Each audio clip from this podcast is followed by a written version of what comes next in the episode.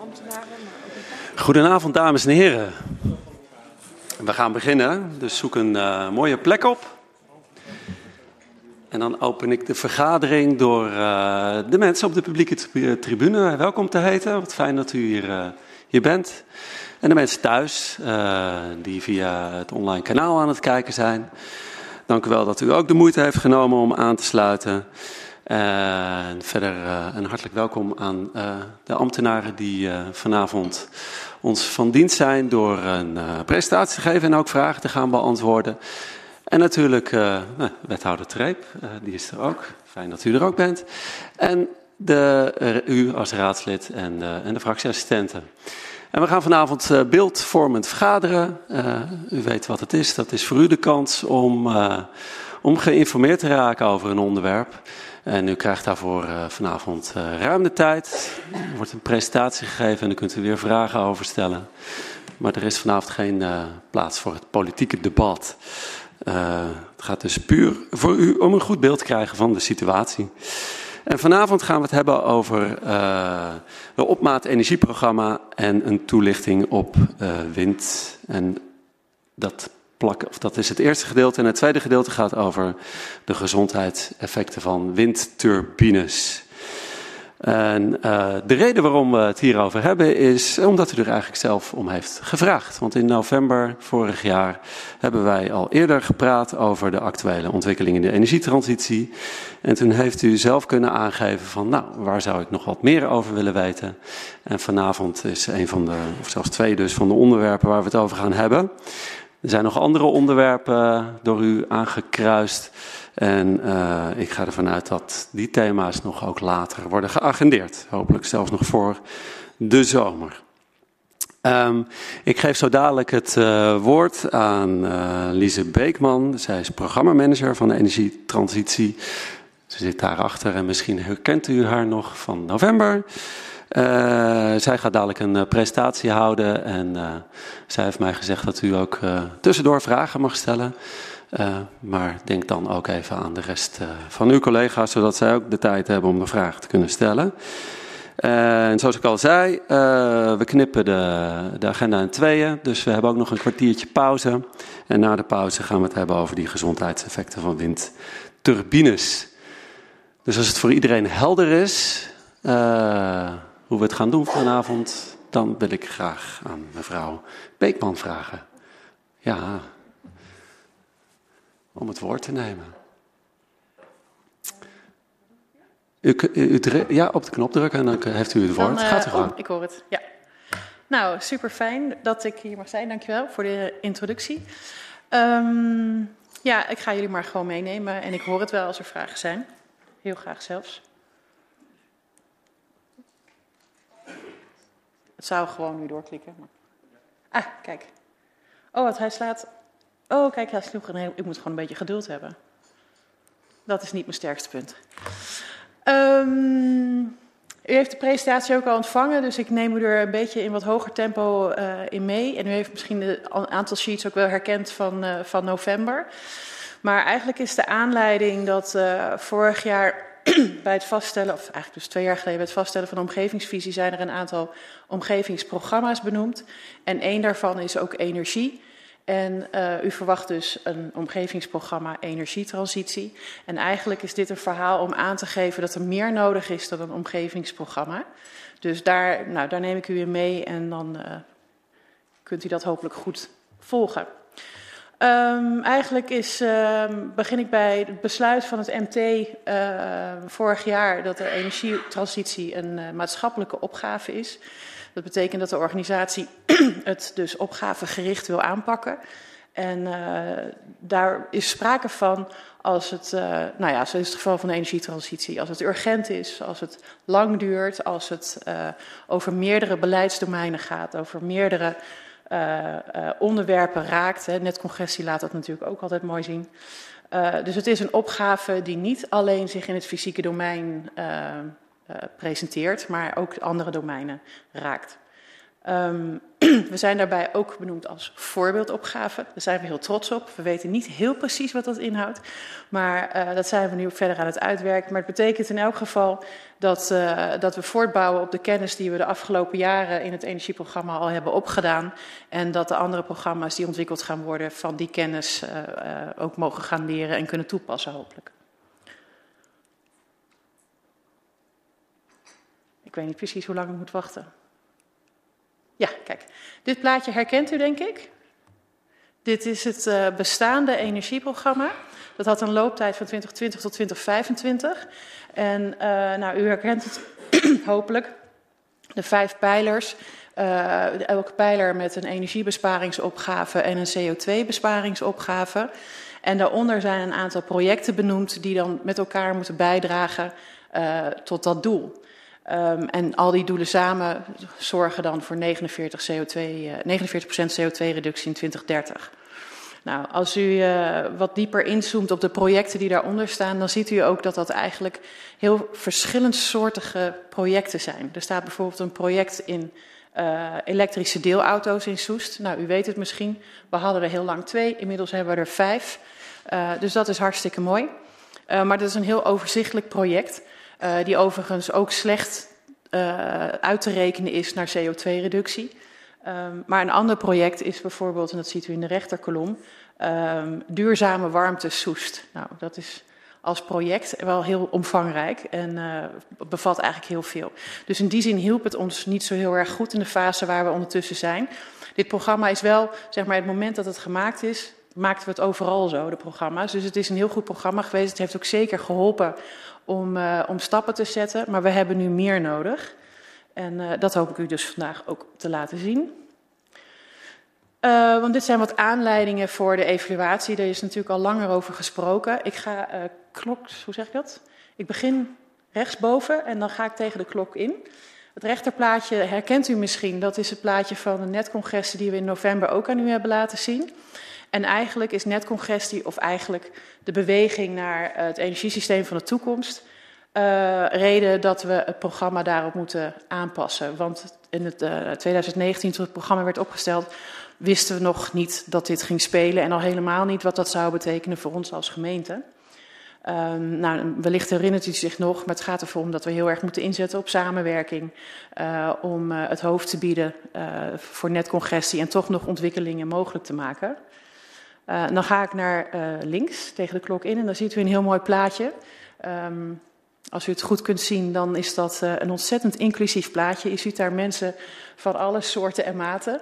En dat is eigenlijk om aan te geven dat de energietransitie ook bij uitstek een inclusieve transitie moet zijn.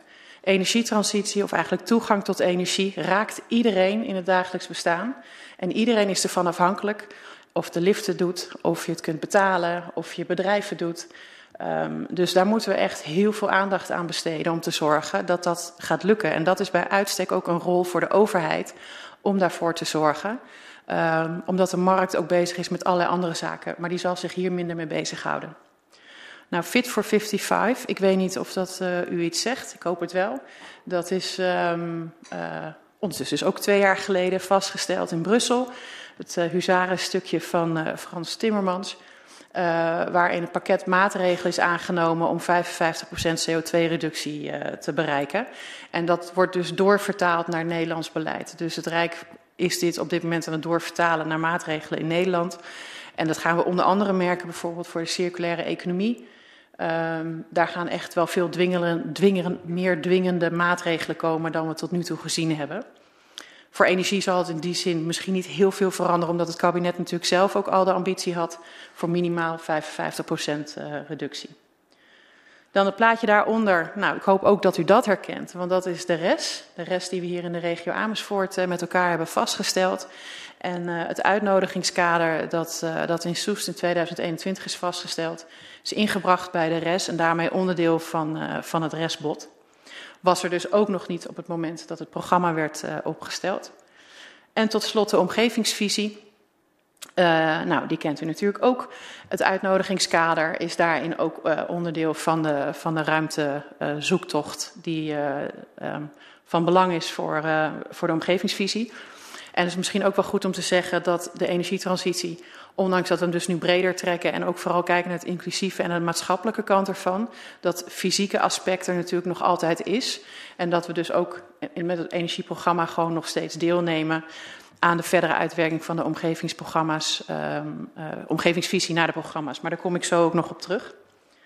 En dan klik ik even door voor het volgende plaatje, want rechtsonder is het, uh, dat zijn de symbolen van de wereld van B. Dat hebben we u, uh, toen hadden we een gastspreker in november, Paul Dalebout, en die heeft u daar toen in meegenomen. Ik ga gewoon ver. En um, um, nou, misschien dat u ze nog uh, herkent. Ik ga er heel snel voorbij, want dit is ook bij uitstek een onderwerp waar we de hele dag over zouden kunnen praten, omdat er heel veel uh, achter schuil gaat. Um, energie is lokaal in balans. Dat betekent eigenlijk, en dat is vooral ook vanuit netcongestie gezien, vraag en aanbod van energie moet op lokaal niveau bij elkaar gebracht worden. Het net, hè, wat we kennen, het systeem dat, het, uh, dat we vijf grote kolencentrales hebben en die vanuit de haarvaten alle elektriciteit toesturen, gaan we toe naar een systeem waar er op duizenden plekken energie wordt opgewekt, die ook overal wordt gebruikt. Dus dat hele net gaat veranderen. En om dat mogelijk te maken is dus netverzwaring natuurlijk ook nodig. Maar ook dat we dat op lokaal niveau bij elkaar gaan brengen. Want dat maakt het wel het allermakkelijkste om dingen mogelijk te maken. Nou, dat is gelijk bij het energiesysteem is gedistribueerd. Dat is eigenlijk uh, wat ik ook aangaf over de verschillende omvang en het aantal locaties waar wordt opgewekt. Die alles draait om toegang voor iedereen. Hadden we het net ook al even over. Dat is dus die inclusieve transitie. En dat is um, um, echt wel heel relevant. Ik weet niet voor, voor, voor, wie dat zich nog herinnert. Het voorbeeld dat is genoemd uh, in november over het zwembad in Castricum. Um, waarbij werd gezegd van ja, al die partijen hebben energie nodig, maar ze hebben het op verschillende momenten nodig. En uh, uh, nou ja, je hebt natuurlijk ook met de kosten te maken daarvan. Wie doet wat, wanneer en wie, wie, wie beheert het. Nou, dat, dat is dus van belang om daar naar te kijken. En dat is gelijk dan ook een bruggetje naar het lokaal eigenaarschap en de integrerende samenwerking, een heel mooi woord. Maar waar je vroeger gewoon zelfstandig een aansluiting kon aanvragen, of ja, vroeger in sommige gevallen kan het nog steeds, maar um, waar je een aansluiting kon aanvragen en hem gewoon kreeg voor je bedrijf of, uh, of voor je vereniging, is dat in de toekomst verleden tijd. En zul je dat samen met, met de partners om je heen voor elkaar moeten krijgen. En dat betekent dus dat je van elkaar afhankelijk bent. Nou ja, en als we dan even het voorbeeld nemen, bijvoorbeeld hier van de grachten, waar uh, Ben Becker zit met, uh, met, uh, met zijn vrachtwagens. Hij wil heel graag elektrificeren. Hij krijgt daar geen aansluiting voor. Um, um, maar als je dan kijkt naar de grachten, dan zul je zien dat er s'nachts, wanneer hij zijn vrachtwagens wil laden, heel veel energie niet wordt gebruikt, die daar wel, zal ik maar zeggen, in een stopcontact beschikbaar is. Hoe mooi zou het zijn als die bedrijven met elkaar tot afspraken kunnen komen om s'nachts de energie beschikbaar te stellen voor Ben Becker en overdag voor de bedrijfsprocessen die er dan zijn. Nou, als zoiets lukt, dan kunt u zich ook voorstellen dat dat ook allerlei afspraken met zich meebrengt en heel veel vertrouwen vraagt onderling van die bedrijven om tot die afspraken te komen. Want het heeft nogal wat consequenties voor je bedrijfsvoering als je je afhankelijk maakt van een ander. Nou, het uitzoeken van die processen en het begeleiden van die samenwerkingen, daar is ook echt een rol weggelegd voor de gemeente. Daar kunnen wij heel goed in ondersteunen om dat verder te brengen. Zo'n integrerende samenwerking waar iedereen steeds meer vastzit aan elkaar. Als je het negatief zou willen benaderen. Nou, het faciliteren van die maatschappelijke kracht, ook daar hebben we de vorige keer ook al best wel veel bij stilgestaan. Maar kan niet genoeg benadrukken, ondanks dat misschien de tendens is in berichtgeving dat je zou denken dat er niets meer kan. Um, uh, bijvoorbeeld vanwege netcongestie of vanwege allerlei andere belemmeringen die er zijn. Dat is niet zo. Er, er kan nog steeds een heleboel. Het is alleen moeilijker en we moeten langer zoeken en het is moeilijker om het voor elkaar te krijgen, maar het kan nog steeds. En ook in onze gemeente zijn er heel veel mensen en bedrijven die ook echt graag stappen willen zetten. En die maatschappelijke kracht die er is, die willen wij heel graag stimuleren. Want we hebben die mensen nodig, want die krijgen dingen voor elkaar die wij als gemeente nooit voor elkaar kunnen krijgen. Dus het is heel belangrijk dat wij in ons programma dat deel mogelijk gaan maken. Oh, dan gaat hij weer te hard. Ja, dan dus even de focus van het nieuwe programma. Waar gaat het dan eigenlijk over? Want vanzelfsprekend houden we het doel van de CO2-reductie en energiebesparing gewoon overeind. Maar we willen dus wat meer inzoomen op de rol die we daar als gemeente in kunnen nemen. Dat is ook mede ingegeven dat je op basis van het bestaande programma eigenlijk heel slecht kunt zien of de inspanningen die we doen, of die nou eigenlijk effect hebben. En of die nou eigenlijk bijdragen aan wat we, uh, wat we willen bereiken. En als je heel negatief zou willen zijn, dan zou je kunnen zeggen dat we qua CO2-reductie eigenlijk heel weinig hebben bereikt. En daarmee zou je dus kunnen zeggen dat het programma geen zin heeft gehad. Dat is natuurlijk helemaal niet waar. Maar het zou fijn zijn als het energieprogramma ook vooral gaat laten zien. Wat doen we dan? En doen we dan de goede dingen en doen we die dan ook goed? En dat zichtbaar te maken. Aan u, voor onszelf, maar natuurlijk vooral ook voor de inwoners en de ondernemers. Um, nou, dat programma gaat ons helpen om, uh, uh, om dus. Sorry, ik raak even mijn eigen draad kwijt. Ja, dus dat we heldere doelen en heldere strategie uh, gaan krijgen, dat gaat ons helpen om dat te laten zien. En dat leren uh, is daar ook een belangrijk onderdeel van. Daar is ook al sowieso een organisatie al meer over gezegd en ook bij het bestaande programma. Maar dat is iets wat, waar wij expliciet aandacht aan willen gaan besteden, omdat we met z'n allen niet weten hoe we de volgende stappen gaan zetten. En waar we het net over hadden, de integrerende samenwerking met partijen samen gaan zoeken welke oplossingen zijn er nou in dit gebied. Betekent dus ook dat je met elkaar moet leren en dat de kennis die we ergens anders, die we opdoen op één plek, ook beschikbaar willen maken voor een andere plek. En omgekeerd natuurlijk ook, als er elders in de regio of elders in Nederland mooie voorbeelden zijn, dan willen wij graag die kennis hier naartoe halen. En uh, dat klinkt natuurlijk als een open deur. Ja, natuurlijk moet je dat doen. Maar dat vraagt best veel tijd en dat vraagt best veel moeite om daar ook echt dat te vertalen naar wat het dan betekent voor ons. Dus vandaar dat we hem zo expliciteren. Nou, en een hele belangrijke, um, en ook dat is heel gauw gezegd, de inwoner en uh, de ondernemer centraal. Dat willen we natuurlijk altijd. Um, maar het is voor de energietransitie nog belangrijker dat we dat doen, omdat zij degene zijn die de transitie werkelijk gaan waarmaken. Dat gaan wij niet doen, dat gaan zij doen. Zij gaan hun huizen isoleren, zij gaan hun bedrijfsprocessen energiezuiniger maken, zij gaan samenwerken. Wij kunnen ze helpen, maar zij besluiten het en zij nemen de risico's en zij investeren. Dus we moeten heel goed weten wat hen drijft en wat zij nodig hebben, zodat we ze daar maximaal in kunnen ondersteunen. Um, ja, nou, en slim gebruik maken van wat er om ons heen gebeurt. Maar daar had ik al iets over gezegd. Dit plaatje heb ik u de vorige keer ook laten zien, dus daar wil ik eigenlijk heel gauw aan voorbij gaan. Um, maar heel in het kort, uh, dat lerende laat ook dit goed zien. Daar in het midden, waar de lijn die naar beneden gaat, die zeg maar het bestaande systeem afbreekt. En de lijn die omhoog gaat, waar we gaan leren van wat er in het nieuwe systeem uh, nodig is.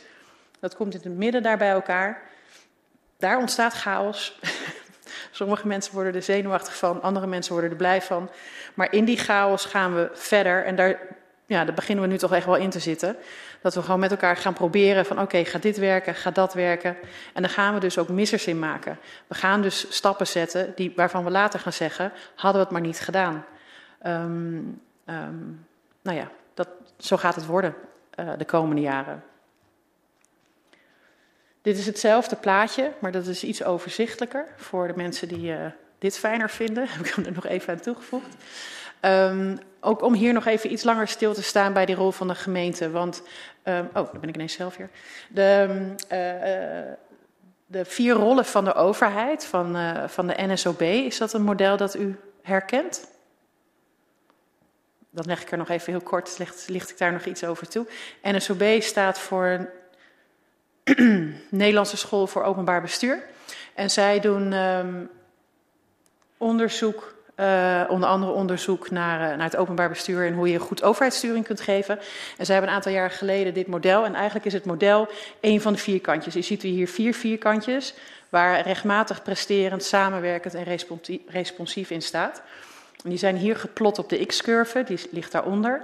Uh, maar die vier rollen die zijn heel helpend om te bepalen hoe wij als gemeente invulling kunnen geven aan, uh, aan onze rol.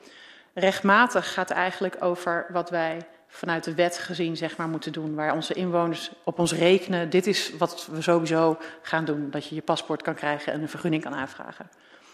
Die presterende overheid, dat zijn eigenlijk de dingen die we onszelf opleggen. Dus dat, uh, de CO2-prestatieladder is daar een mooi voorbeeld van. Wij willen graag die prestatie bereiken. We willen een treetje hoger komen. Dat is iets wat we onszelf opleggen, omdat dat is een ambitie die we zelf uh, willen waarmaken. Die samenwerkende rol, dat is er één die we eigenlijk best wel goed kennen. Uh, hij uit zich vaak in een soort van regierol. Dat is eigenlijk waar wij als gemeente samen met andere partijen uh, proberen samen te werken om stappen te zetten, om projecten voor elkaar te krijgen of ontwikkelingen vlot te trekken. Um, heel vaak hebben wij hier dus een trekkende rol in en dus daarmee ook vaak een sturende rol. En dat is eigenlijk ook het grote verschil met de responsieve uh, rol die de overheid ook kan aannemen. En dat is eigenlijk als inwoners een initiatief hebben, dat zij de overheid uitnodigen om daaraan deel te nemen. Dus wij reageren op het verzoek vanuit de samenleving in plaats van dat wij het overnemen. Um, of in plaats van dat wij het starten. En wat daarbij heel belangrijk is, die enkele keer dat dit gebeurt, want dit is nog best wel nieuw, het gebeurt nog niet heel veel en het is ook best lastig. niet alleen voor ons als Soest, maar overal. Um, maar heel vaak als het gebeurt, zijn we geneigd, zeker ook vanuit goede bedoelingen, om het initiatief over te nemen. Dus mensen komen met een goed idee en dan zeggen wij wel, oké, nou dan gaan wij wel de voorzitter leveren, wij gaan geld betalen, wij gaan het onderzoek laten doen. En die inwoners die denken, ho, ho, maar wacht eens even. Nou ja, oké, als jullie alles willen doen, dan prima, doe het maar. En ze laten het los. En daarmee verlies je dus het initiatief. Dus voor ons wordt het heel erg zoeken, hoe kunnen wij dat initiatief toch uh, helpen en ondersteunen, misschien ook wel versnellen, maar vooral ook de regie bij de inwoners laten, omdat dat nodig is om het uh, te bereiken. Als jullie vragen hebben, dan hoor ik het. Hè? Ah, ja. Even uw microfoon, uh, meneer De Wolf. Ja, hartelijk dank. Um, ik, uh, net wat u zegt, um, ik zat al net een notitie te maken. Het kwam ook in het webinar van uh, 17 januari naar voren. Dat het natuurlijk ook een mogelijkheid is dat een overheid een rol gaat spelen, ook in de oprichting van het exploiteren van die energie. Um, wat is, wat is nu, nu volgens u dan het specifieke voordeel dat die regie bij de inwoners ligt? Want ik zou me kunnen voorstellen dat het ook tot allerlei controverse in de samenleving gaat leiden.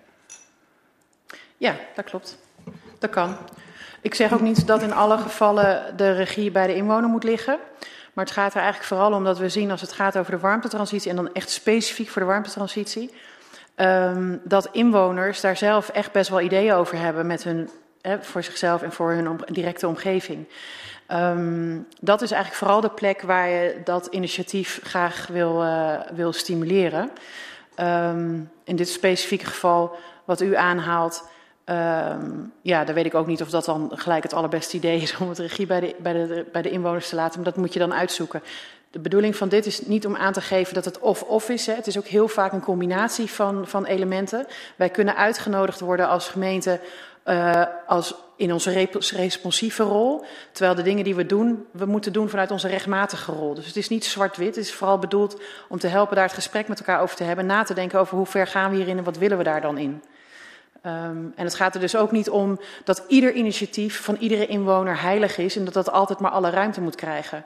Um, het kan ook heel goed zijn dat vanuit, um, uh, vanuit technische reden het heel onwenselijk is dat een bepaald initiatief op een bepaalde plek tot ontwikkeling komt.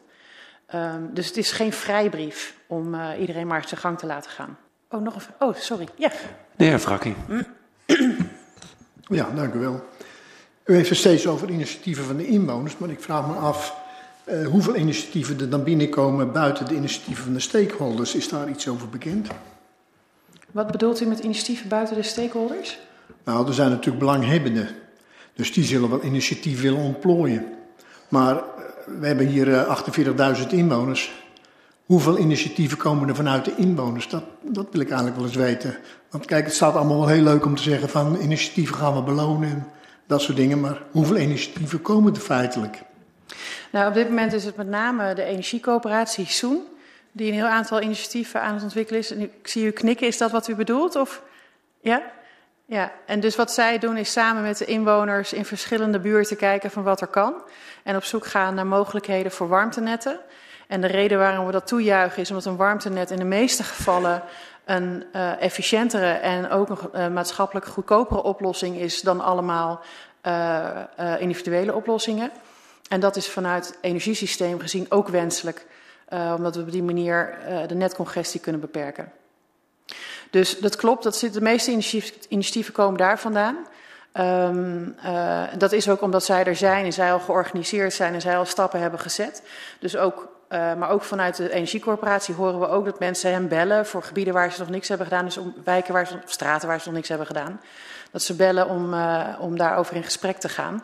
En wij verwachten dat niet alle initiatieven waarschijnlijk de komende jaren nog wel. Maar als het wat meer vlucht gaat krijgen en het wat meer gemeengoed wordt, dat dan ook mensen buiten de energiecoöperatie zich zullen gaan verenigen. Ja, dan begrijp ik dat u dat hoopt, maar het gaat mij meer om de realiteit. Ja? Ja, die is er dus nog niet, want we praten over de toekomst. Ja, maar u heeft het erover dat er nu al initiatieven zijn vanuit ja, de burger. Nou, wat ik bedoelde te zeggen is dus die, die bestaande initiatieven, die zijn dus vooral vanuit Soen uh, tot stand gekomen. Uh, met de inwoners. Dus dat is wel ingegeven door de inwoners. Dus bijvoorbeeld Ted Soesduinen. Dat gaat over de inwoners die in Soesduinen wonen. Die daar met elkaar dachten: hey, kunnen wij niet wat doen met het uh, pompstation van Vitens hiernaast? Dus zij zijn zelf begonnen en zij worden vervolgens nu verder geholpen met Soen. Dus Soen is daar ingestapt om hen daar in de volgende stappen te laten zetten. Dus de, de bestaande initiatieven zijn dus allemaal op de een of andere manier gekoppeld aan Soen. Um, en wat ik zei, het ging over de toekomst, is de verwachting dat het op een gegeven moment ook buiten als het wat meer gemeengoed wordt. Want het is nu natuurlijk allemaal nog heel spannend en heel onbekend. Ja?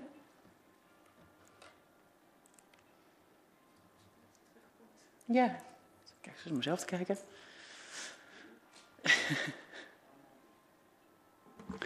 Wij wachten even op de techniek. Ja. Of die ons helpt om de presentatie terug op beeld te brengen. Ah, kijk, daar is hij. Super. Even kijken. Dit is nog een ander plaatje en dat is, gaat natuurlijk eigenlijk vooral over de eh, gemeentelijke organisatie. Maar het helpt wel om zichtbaar te maken waarom het energieprogramma meer is dan alleen een, uh, een programma onder de omgevingswet. De omgevingswet gaat vooral over het fysieke domein en over de kwaliteit van de fysieke leefomgeving. En dit plaatje illustreert, niet wetenschappelijk, maar gewoon om een beeld te geven, um, dat de energietransitie of het energieprogramma ook de andere domeinen raakt. Dus als het gaat over de inclusieve transitie hè, en de maatschappelijke uh, veranderingen, raakt het ook echt het sociaal domein. Dat hebben we natuurlijk gezien met energiearmoede. Uh, maar dat blijft uh, een, een, relevant onderwerp om te zorgen dat iedereen kan deelnemen. Um, ook in de uitvoering is het handig en slim als we proberen daarin zoveel mogelijk gezamenlijk met elkaar op te trekken. en dat niet parallele sporen te maken. Um, en de bedrijfsvoering, dat geeft natuurlijk vooral gekoppeld aan, uh, aan onze eigen prestaties. Dus uh, hoe gaan wij zorgen dat bijvoorbeeld het maatschappelijk vastgoed uh, energie-neutraal wordt. Dat we facilitair de meeste winst boeken als het gaat over CO2 en energie. En hier ligt nadrukkelijk ook de koppeling met, met circulair. U ziet dus het energieprogramma hier in het midden staan en u ziet daar een wat grotere vlek omheen. En dat is namelijk het energiesysteem het energiesysteem en dus daarmee uh, dus het netcongestie zoals we het nu kennen, maar dus vooral die verandering van het energiesysteem, dat raakt dus bij uitstek eigenlijk vooral het fysieke domein, uh, maar is ook, niet, uh, is ook op de andere domeinen niet, niet te missen. Um, en dit ja, illustreert dus eigenlijk waarom het programma meer moet zijn dan, dan alleen een omgevingsprogramma. Nou. Ja, ik sla deze even over, die heeft u gezien. Maar dit is eigenlijk, laat dit zien dat uh, een transitie uit een heleboel verschillende onderdelen bestaat. En als je dus kijkt naar de gemeentelijke organisatie, dan is het fijn als we zoveel mogelijk routinematig kunnen afhandelen. Um, en dat je dus ook projecten en processen hebt, maar dat het programma dat geheel waarborgt om die uh, beweging te krijgen die je nodig hebt voor de transitie. Nou ja, en hier heb ik dan al een heleboel over gezegd, uh, stiekem ondertussen. Um, maar eigenlijk waarom we dus dit aan u toelichten en dat er dus een programma komt voor energietransitie met daaronder omgevingsprogramma's, is eigenlijk omdat de omgevingsvisie in de vorm zoals we hem nu hebben, eigenlijk de energietransitie geen kader geeft. Dus uh, er staat wel het doel in van CO2-reductie, dus dat is hartstikke fijn. Maar voor de rest hebben wij, kunnen wij op grond van de energievisie eigenlijk heel slecht bepalen hoe we de dingen gaan doen of waarom we dingen gaan doen. Dus daar hebben we meer voor nodig. Um, um, Nou ja, en, dan, en wat moet dat programma dan onder andere leveren? Dat gaat dus, hè, dat we dus invulling geven aan die voorbeeldopgaven. Maar het gaat vooral over dat we dat anders denken en doen. Dat wat een transitie werkelijk, hè, de kern is van een transitie. Dat we, dat, uh, dat we die beweging in gang gaan krijgen. En wat dat vraagt. Dus daar, uh, daar willen we het vooral over hebben. In dat programma.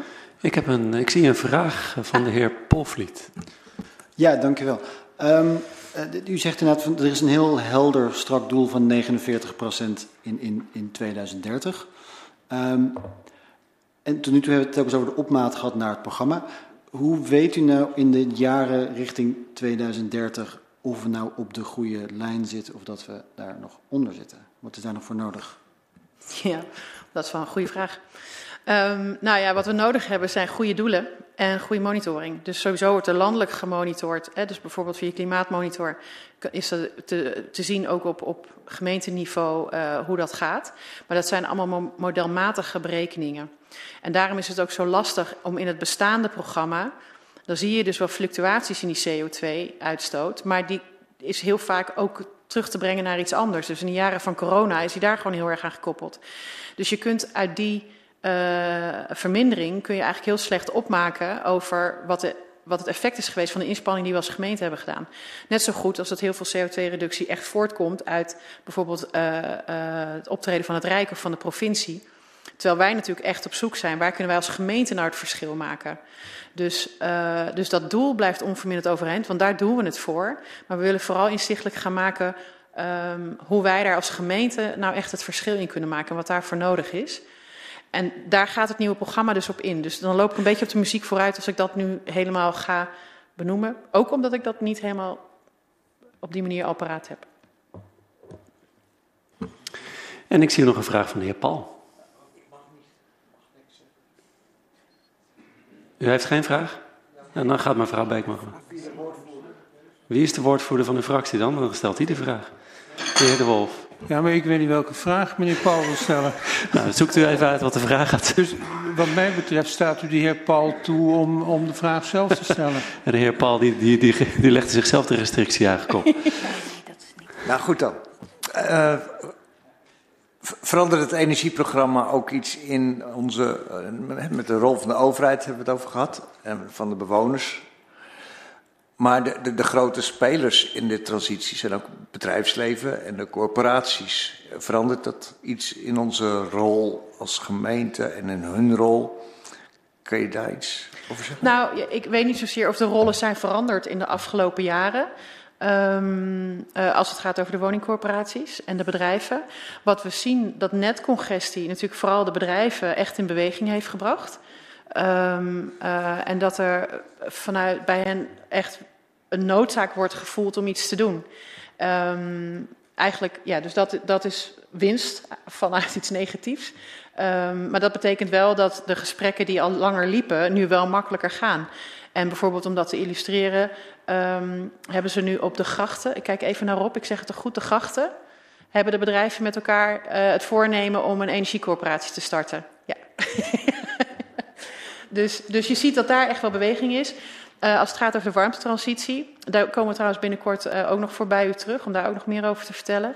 Um, uh, maar daar zien we dus dat nu wij dat weer zijn opgestart, die gesprekken en ook de woningcorporaties, zijn we echt constructief met elkaar aan het samenwerken om te kijken hoe we dat in Soest gaan vormgeven. En um, voor hen is netcongestie nog wel een beetje de ver van hun bedshow. Um, maar dat is misschien wel een beetje struisvogelpolitiek, komen ze ondertussen achter. Dus, um, um, ja, dus ook dat gaat gewoon eigenlijk heel constructief.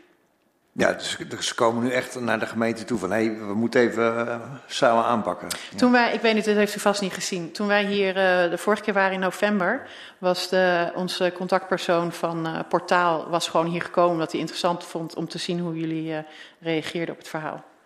Om aan te geven dat de banden nauw zijn. Ja. Dank u wel, helder antwoord. Ik zie mevrouw Flinteman, maar ik heb eerst volgens mij mevrouw Buzal nu wilde een vraag stellen. Klopt dat? Of, oh, u stak een vinger op, ik dacht, ik stel de vraag. Wellicht later op tafel. Mevrouw Flinteman, bent u aan de beurt. Dank u wel, voorzitter. Um, Ja, ik hoor eh, in, het hele, in deze presentatie uh, heel erg dat de gemeente hier een vooral faciliterende, ondersteunende en stimulerende rol heeft. Dus dat het heel erg vanuit de gemeente zelf, van de inwoners en ondernemers zelf moet komen. Maar we weten ook dat er heel veel locaties zijn in de gemeente waar weinig initiatieven zullen ontstaan, omdat er of geen warmtebron te vinden is, of de wijk niet geschikt is voor een warmtenet, of dat er geen inwoners zijn die initiatieven kunnen nemen. Dus is het niet zo, dat, dat zie ik hier eigenlijk niet terug, dat de gemeente toch op een gegeven moment een meer regierol moet gaan nemen, omdat er, uh, ja, als er hier staat, uh, achter iedere voordeur en haalbaar en betaalbaar uh, die energietransitie willen doorvoeren dat dat niet alleen maar van uh, de markt, om het maar zo te nee, zeggen, kan komen. Nee, dat klopt ook. Dan heb ik dat misschien niet uh, duidelijk genoeg aangegeven. Als er initiatieven zijn, betekent dat niet dat wij als gemeente niets meer hoeven te doen. Dus um, um, wat ik met dat wilde illustreren is dat we zeg maar een paar jaar geleden misschien nog dachten met de transitievisie warmte bijvoorbeeld. Hè, daar ging de, ging de gemeente gaat aanwijzen, we gaan in die en die en die wijk gaan we dit en dit en dit doen. En zo gaat die trein door de gemeente bewegen en dan zijn we allemaal van het gas af. Die aanpak werkt niet. Dat, dat hebben we nu echt wel geleerd, zou ik maar zeggen, in den landen, dat dat niet werkt. Dus het aanslaan en aansluiten bij de energie die um, ontstaat in wijken uh, is veel effectiever. Maar we kunnen het daar niet van af laten hangen. Dus het is een combi van beide. Dus het, het co-creatie is hier het toverwoord. Maar vanzelfsprekend gaan wij vanuit de warmtetransitie gaan wij wel, wat we, de, de afspraken die zijn gemaakt in de transitievisie warmte op andere plekken, die gaan natuurlijk bij ons ook wel terugkomen. Daar gaan we u de volgende keer wat meer over vertellen. Um, uh, het is niet zo dat wij maar gewoon afwachten tot er wat naar ons toe komt. We nemen daar zeker wel regie. En er gaan zoveel vraagstukken ook op de initiatieven afkomen. Dat kunnen ze echt allemaal niet alleen. Um, um, dus nee, dus het is niet zo dat wij daar geen rol meer in hebben. Maar het is bedoeld om aan te geven dat het bestaande energieprogramma uh, veel meer zat op dat sturen vanuit de gemeente. En we eigenlijk in dit programma veel nadrukkelijker willen aangeven dat we dat ook blijven doen. Maar dat we ondertussen ook veel meer ruimte willen geven aan die initiatiefnemers. Omdat we geloven dat dat uiteindelijk veel effectiever en sneller gaat. En dat vraagt van ons een rolwisseling en op een andere manier kijken naar hoe wij ons werk doen. Maar ook hoe we ons geld inzetten en hoe we dat mogelijk maken en onder welke voorwaarden. Dan je dat dus een paar jaar geleden zou doen. En uh, als ik een vervolgvraag mag stellen van de voorzitter. Uh, betekent dat ook dat de gemeente dan uh, wat concreter de kaders daarvoor gaat invullen, zodat je als inwoner ook weet wat je handelingsperspectief is als je denkt van ik woon in een bepaalde wijk en ik wil iets gaan doen? Ja, daar willen we zeker naartoe. Ja. Ja, ik wil niet vooruitlopen op het volgende verhaal. Ook omdat ik dat gewoon niet in die mate scherp heb. Maar daar gaan we zeker naartoe. We willen echt dat iedere inwoner uh, en dat zijn we nu even aan het voorbereiden. Dat je gewoon je adres kan intypen en dat je dan gewoon te zien gaat krijgen. Dit is nu de stand van zaken van wat we weten met de kennis van nu. Uh, wat het perspectief is uh, voor die woning. Het is nog wel heel complex, dus daarom moeten we er ook nog wat meer over vertellen en uitzoeken.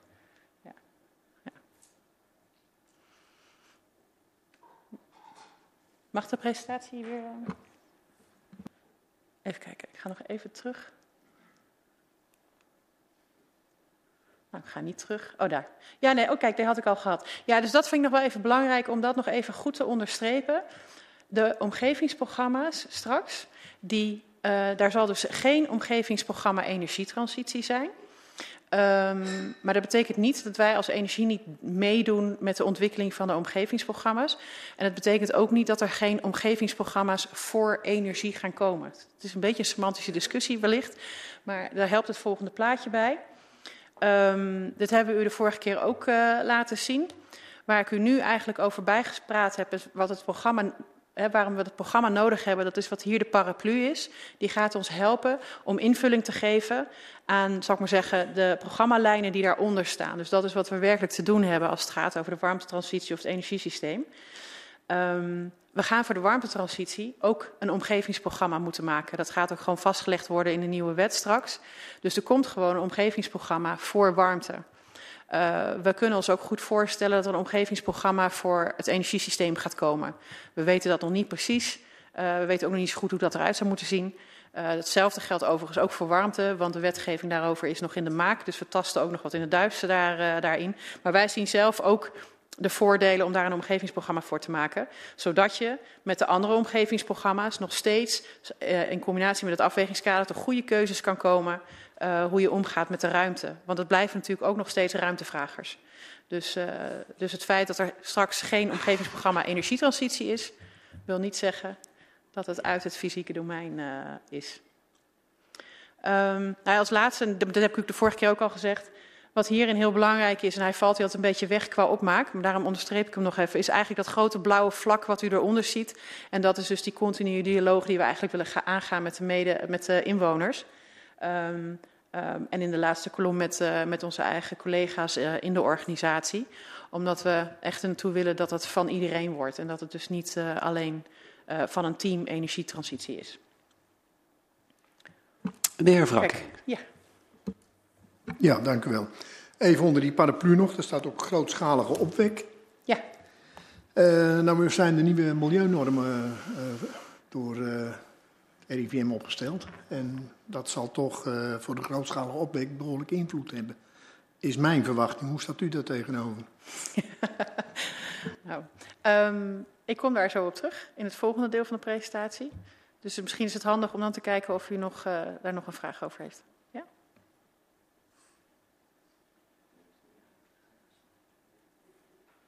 Dan, uh, ja?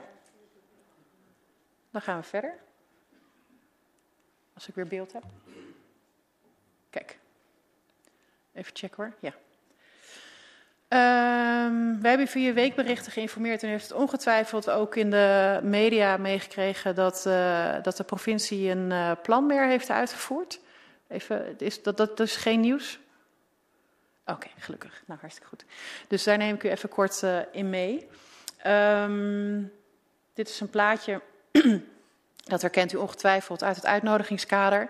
Dat is in uh, juni 21 is dat vastgesteld. Daarin is afgesproken dat er drie locaties uh, um, um, geschikt zijn voor wind. Dus dat is het gebiedje 1, uh, helemaal bovenin, naast, naast de Isselt. Dat is het gebied, gebied in het midden, vlasakkers. En wat u niet kunt zien, of althans net dat kleinere gele hoekje, uh, de A28. En daar zou ook uh, ruimte zijn voor een zonneveld. Dat is eigenlijk in het kort wat er is afgesproken in het uitnodigingskader. Oh, kijk. En um, dat is dus meegegaan in de RES, uh, waar dat een plek heeft gekregen. En opnieuw een plek heeft dat gekregen in de omgevingsvisie. Dat had ik u al eerder benoemd. Um, dus dat was het vertrekpunt. U ziet hier ook nog A staan, de spoordriehoek. Die is toen, uh, die is toen uit het uitnodigingskader uh, gehaald. Um, nou, wat is er, uh, wat is er gebeurd? Um, de provinciale planmer, de provincie heeft op grond van um, GIS-analyses, dus gewoon met kaarten, hebben ze gewoon gezegd... waar zou überhaupt wind kunnen in de, in de provincie omdat we namelijk achterbleven bij het bod. Dus uh, met de voortgangsrapportages zegt de provincie van ja, het gaat niet hard genoeg. We moeten in 2030 2,4 giga of, uh, terawattuur opwekken. En uh, dat gaan we op deze manier niet redden. Dus daar is wat meer voor nodig. Daarmee hebben ze die planmer ingezet en daar zijn 99 locaties onderzocht op hun milieueffecten. Um, uit die 99 locaties heeft uh, GS heeft daar 27 locaties voor aangewezen als een voorkeurslocatie. En dat betekent dat vanuit de provincie die locaties het meest geschikt zijn om wind tot ontwikkeling te brengen. U ziet hier het kaartje uh, uh, zoals dat voor Soest uitpakt.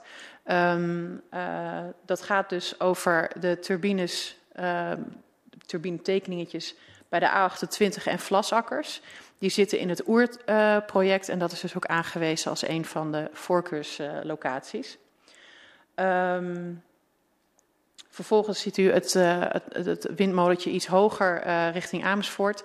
Dat is de turbine die uh, de, het zoekgebied naast de Isselt illustreert. Dat is, heeft, is niet mee onderzocht in de planmer, die locatie. En dat komt omdat de Isselt een, ik, ben, ik twijfel nou weer even over het woord, volgens mij een autonome ontwikkeling was. Dus daar hadden ze zelf al, hè, dus daar wordt al aan gewerkt door de gemeente. En daarom is hij niet meegenomen in de planmer. Um, en dat, uh, ik wilde er nog iets over zeggen, maar dat ontschiet me nu. Maar in elk geval, um, uh, daarom zit hij daar niet in. Maar dat betekent niet dat daar dus geen wind meer uh, ontwikkeld zou mogen worden. Dat betekent, dat is niet de status van die voorkeurslocaties. Hij is gewoon niet onderzocht. Uh, verder ziet u ook de kleine windmolentjes uh, bij de andere gemeenten, wat ongeveer aangeeft waar de andere voorkeurslocaties in onze restregio vallen. Dus dat is er eentje bij de A1 bij Eemnes, dat is een andere uh, bij Amersfoort en weer opnieuw onder mijn plaatje ziet u bij, um, aan de oostkant van, van Leusden. En het plaatje aan, bij de A28. Dat is niet alleen de locatie die wij hebben in het uitnodigingskader, maar dat zijn ook uh, de windturbines die op grondgebied van Leuzen staan. Dus dat gaat over een, een rij die daar la, langs de A28 zou kunnen. Dus dat zijn de voorkeurslocaties bij ons uh, in de gemeente en in de regio. Ik zie een vraag van mevrouw Flinteman. Um, ja, toch even twee vragen over de Soester Isselt uh, en Amersfoort uh, windmolens. Ten eerste neem ik aan dat uh, ze, doen we niet met de plan MER mee, maar wel met de rest, neem ik aan. En weet u wat de stand van zaken is uh, als het gaat om die twee van uh, Amersfoort? Ja, ja um, dat is inderdaad ook wat ik erover wilde aangeven nog. Want uh, onze zoeklocatie, en dat is niet uw vraag, maar onze zoeklocatie naast de Isselt is geen onderdeel van de rest. Omdat die pas na 2030 naar alle waarschijnlijkheid gerealiseerd kan worden, omdat wij hebben afgesproken dat wij wachten op Amersfoort. Uh, en Amersfoort heeft op dit moment is daar dus mee bezig. De bedoeling is, is dat zij volgend jaar de vergunning gaan verlenen. Uh, ze hebben nu een omgevingsraad uh, ingesteld. Daar zitten ook de inwoners in Soest zijn daarvoor uitgenodigd. Um, dus die stappen zijn ze aan het zetten. Um, ik zit even te denken of ik daar nog meer over kan vertellen. Ik denk dat dat voor nu voldoende is. Of heeft u nog specifieke vragen? Nou, ik, vroeg, ik vroeg me af, als er een GIS-onderzoek uh, um, geweest is naar die, al die locaties, dan zal toch ook wel, uh, zullen er ook al deze twee locaties eruit zijn gekomen als zijnde geschikt of niet geschikt? Ja, maar die hebben ze gewoon niet meegenomen in de planmer, omdat die dus al wordt uitgewerkt. Dus ze hebben gezegd van die voorkeurslocaties die, de, die, die zijn aangewezen, die 27 locaties, dat zijn locaties waar dus nou ja, nog weinig gebeurt. Ik wil niet zeggen niets, want dus bijvoorbeeld bij de oertraject is dat ook niet zo. Er, er worden echt wel stappen gezet. En die 27 locaties, dus nu wordt aan ons gevraagd, dus aan de gemeente, wat ga, hè, gaan, gaan jullie als gemeente aan de slag met die locaties? Um, en dan in de zomer gaat de provincie kijken, hé, hey, wat krijgen we allemaal terug? Wat, wat, wat gaan ze in gang zetten, de gemeente? En als dat dus niet voldoende is, dan komen die projectbesluiten. En dus vanuit die redenering, daarom zit de Isselt daar niet tussen, want ja, die werkt gewoon, die, daar wordt al aan gewerkt en is de bedoeling dat dat gaat ja, lukken. Ja, die, uh, uh, die, die begrijp ik, maar de vraag was eigenlijk van, kwam er inderdaad dan ook een groen vlaggetje bij de Isselt uit, als het over gistlocaties zou gaan? Dat die niet meegenomen is verder, oh, dat snap dat ik, weet maar... ik niet. Nee, dat weet ik niet. Of die dan groen zou worden. Dat, is, dat weet ik niet. Ik zie een. Is uw vraag naar mij beantwoord? Um, de heer Wrakking was er als eerste en daarna de heer Schotman. Ik kan wel antwoord geven op de vraag van mevrouw Vinterman, want ik ben bij de uh, webinar van uh, de provincie geweest en de Isselt, ze gaan er gewoon vanuit dat daar twee windmolens komen. En daar heb ik meteen een vraag over, want uh, er is uh, binnen de provincie geen plan meer voor de Isselt. Maar uh, Amersfoort zal zelf die plan meer op moeten stellen. En er zijn nieuwe milieunormen. Ze hebben natuurlijk een plan meer, maar dan nog met de oude milieunormen. Ja? En de nieuwe milieunormen zouden er wel eens voor kunnen zorgen dat het gewoon niet door kan gaan, omdat er woningen binnen dat gebied zijn. En een van de milieunormen is, als er maar één woning is waar uh, de belasting te groot is, dat het hele plan niet door kan gaan. Dus ik ben heel benieuwd hoe dat zo meteen. Uh... Ja, wij ook. Ja. Oh, Amersfoort is zelf. Uh, gaat ervan uit dat het gaat lukken. Er is nog niet gezegd dat dat niet gaat gebeuren. Ja. Dank u wel, meneer Wrakking, voor het beantwoorden van een vraag van uw collega. Dan heb ik de heer Schotman. Daarna de heer De Wolf. Vergat de microfoon. Dank u wel, voorzitter. Uh, ja, uw opmerking triggerde me dat er uh, wel degelijk ontwikkelingen plaatsvinden of dat er stappen worden gezet bij de Oer A28 bijvoorbeeld. Dat was eigenlijk niet de vraag die ik nu had, maar ik stel hem nu wel. Want als ik me niet vergis, is er in de vorige raadsperiode een motie aangenomen om te wachten op de uitwerking van de nieuwe landelijke uh, normen voor de plaatsing van turbines. En ja, om, te, om, te, wachten met het, met het doorzetten van, van trajecten. maar corrigeer me als ik me daarin vergis. Maar hoe zit het dan met die, met die aangenomen motie? En uh, tegelijkertijd met stappen die blijkbaar al worden gezet, maar ook met de druk die vanuit de provincie op gemeente wordt gezet om binnen zes maanden tot een uh, besluit te komen met welke trajecten zij de regie oppakken. Um, de, de, motie waar u aan refereert, die ken ik persoonlijk niet. Um, wat er is afgesproken, uh, wat er loopt, zeg maar rondom Oer, is er is in de um, regio is er gekeken hoe ziet dat eruit rond de A28 en wat is daar mogelijk. Dus er is een verkennend onderzoek gedaan. Dat, daar kwam uit dat er mogelijkheden zijn en is regionaal afgesproken om uh, het Rijk te vragen om daar een oerproject van te maken. Dat, heeft dus, dat, eh, dat, dat, dat, betekent dat het oerproject, dat onder regie van Rijkswaterstaat, de volgende stap wordt gezet. En dat betekent in deze fase eigenlijk vooral dat er onderzoek wordt gedaan om scherp te krijgen van wat kan er nou precies en waar loop je nou precies tegenaan. Dus dat is wat daar gebeurt rondom oer. Uh, er wordt nog helemaal geen molen, uh, er is nog helemaal geen sprake van dat er locaties in beeld zijn. Het gaat er vooral om wat is in die gebieden die daarvoor aangewezen zijn. Dus dat is inclusief ons uitnodigingskader. Wat kan daar dan eigenlijk nog preciezer dan al in die eerste verkenning is gedaan? En dan daarna, als die, dus de verwachting is, dat is misschien dan ook nog wel een bruggetje naar de volgende sheet, maar uh, daarna en we verwachten dus dat dat voor de zomer gaat komen. Dan zijn die onderzoeken bekend. En dan wordt de vraag gesteld van um, gemeenten, gaan, jullie, eh, gaan we nu verder met de ontwikkeling van wind op die plek of gaan we dat niet doen? Dus die vraag komt nog. Want het kan dus uit die onderzoeken komen dat het dus niet kan. En dan hoef je de vraag dus niet te beantwoorden. Is dat voor nu voldoende, meneer Schotman? Oh. Nou, uh, ik twijfel nog een beetje, maar ik krijg net de bevestiging dat, dat die motie uh, uh, destijds is aangenomen. Want daar zat even mijn twijfel. Maar uh, de hamvraag, of tenminste de tweede deel van de vraag die ik dus had, is van... er wordt nu vanuit de provincie gezegd, je moet binnen een half jaar moet je als gemeente aangeven welke projecten je zelf, wat is het, de regie op, opneemt als gemeente. En dan vraag ik me af, wij hebben destijds gezegd uh, uh, van we wachten eerst de nieuwe landelijke windnormen af, of normen af voor windenergie. Mm -hmm. um, alleen als wij hebben gezegd, dat, daar wachten wij op en die zijn er nog niet. En ik heb recente berichten gezien dat dat nog langer gaat duren.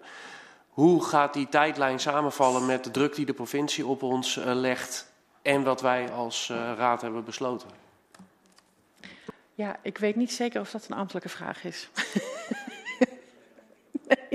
Ik denk dat. Ja. Ik, ik, zie ook hier, hiernaast wordt ook gezocht naar wat de stand van zaken is ten aanzien van het uitvoeren uh, van de motie. Ik denk dat we daar nog later op een later moment kunnen terugkomen. Uh, meneer Vrakking komt nadat uh, de heer De Wolf zijn vraag heeft gesteld. Ja, maar tot vreugde van de heer Vrakking borduurt mijn vraag ook weer een klein beetje op zijn vraag verder. En dat betreft ook weer de Isselt en de heer Frakking stipte aan dat mogelijk met nieuwe milieunormen dat hele project niet door zou kunnen gaan.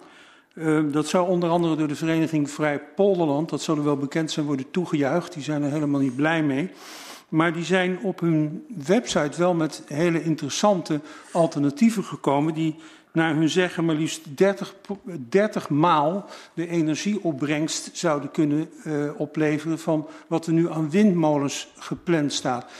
Eigenlijk is het ook niet zo gek, want als je kijkt op de uh, uh, kaarten van windsnelheden enzovoort, dan is het ook helemaal niet zo'n gunstig gebied. Überhaupt niet trouwens, uh, onze regio. Maar goed. Um, zou, ziet u daar een mogelijkheid om, om daar naar te kijken? Bent u ook bereid om daar kennis van te nemen? Of heeft u daar ook kennis van genomen? Of dat ook een mogelijk alternatief zou kunnen zijn als dus die windturbines daar niet geplaatst zouden kunnen worden? Ja, ik weet niet zeker of ik u helemaal goed begrijp. Dus u zegt als de turbines in Amersfoort niet geplaatst kunnen worden? De Vereniging Vrij Polderland, die is daar naast anderen natuurlijk tegen die plaatsing, heeft onderzocht wat zijn er voor alternatieven, komt met zeven uh, aanvullende alternatieven die het landschap niet schaden en ook geringe milieuschade of geen milieuschade brengen. Ik zou me zo kunnen voorstellen dat je nu zegt, wij moeten in 2030 dit op de, op de, de rails hebben. Dus hoewel de Soesterkant, hoor ik net, 2030 er nog niet kan zijn. Maar dan zeg ik toch ook, dan loont het de moeite om te kijken, ook gezien de relatief geringe windsnelheden die er in deze regio heersen, om die alternatieven van Vrij Polderland te onderzoeken. Te meer daar dit misschien, als het helemaal niet door kan gaan, toch een flinke energiebron kan opleveren. En mijn vraag is dan eigenlijk van, heeft u daarnaar gekeken? Kent u die plannen van Vrij Polderland? En wilt u ernaar kijken?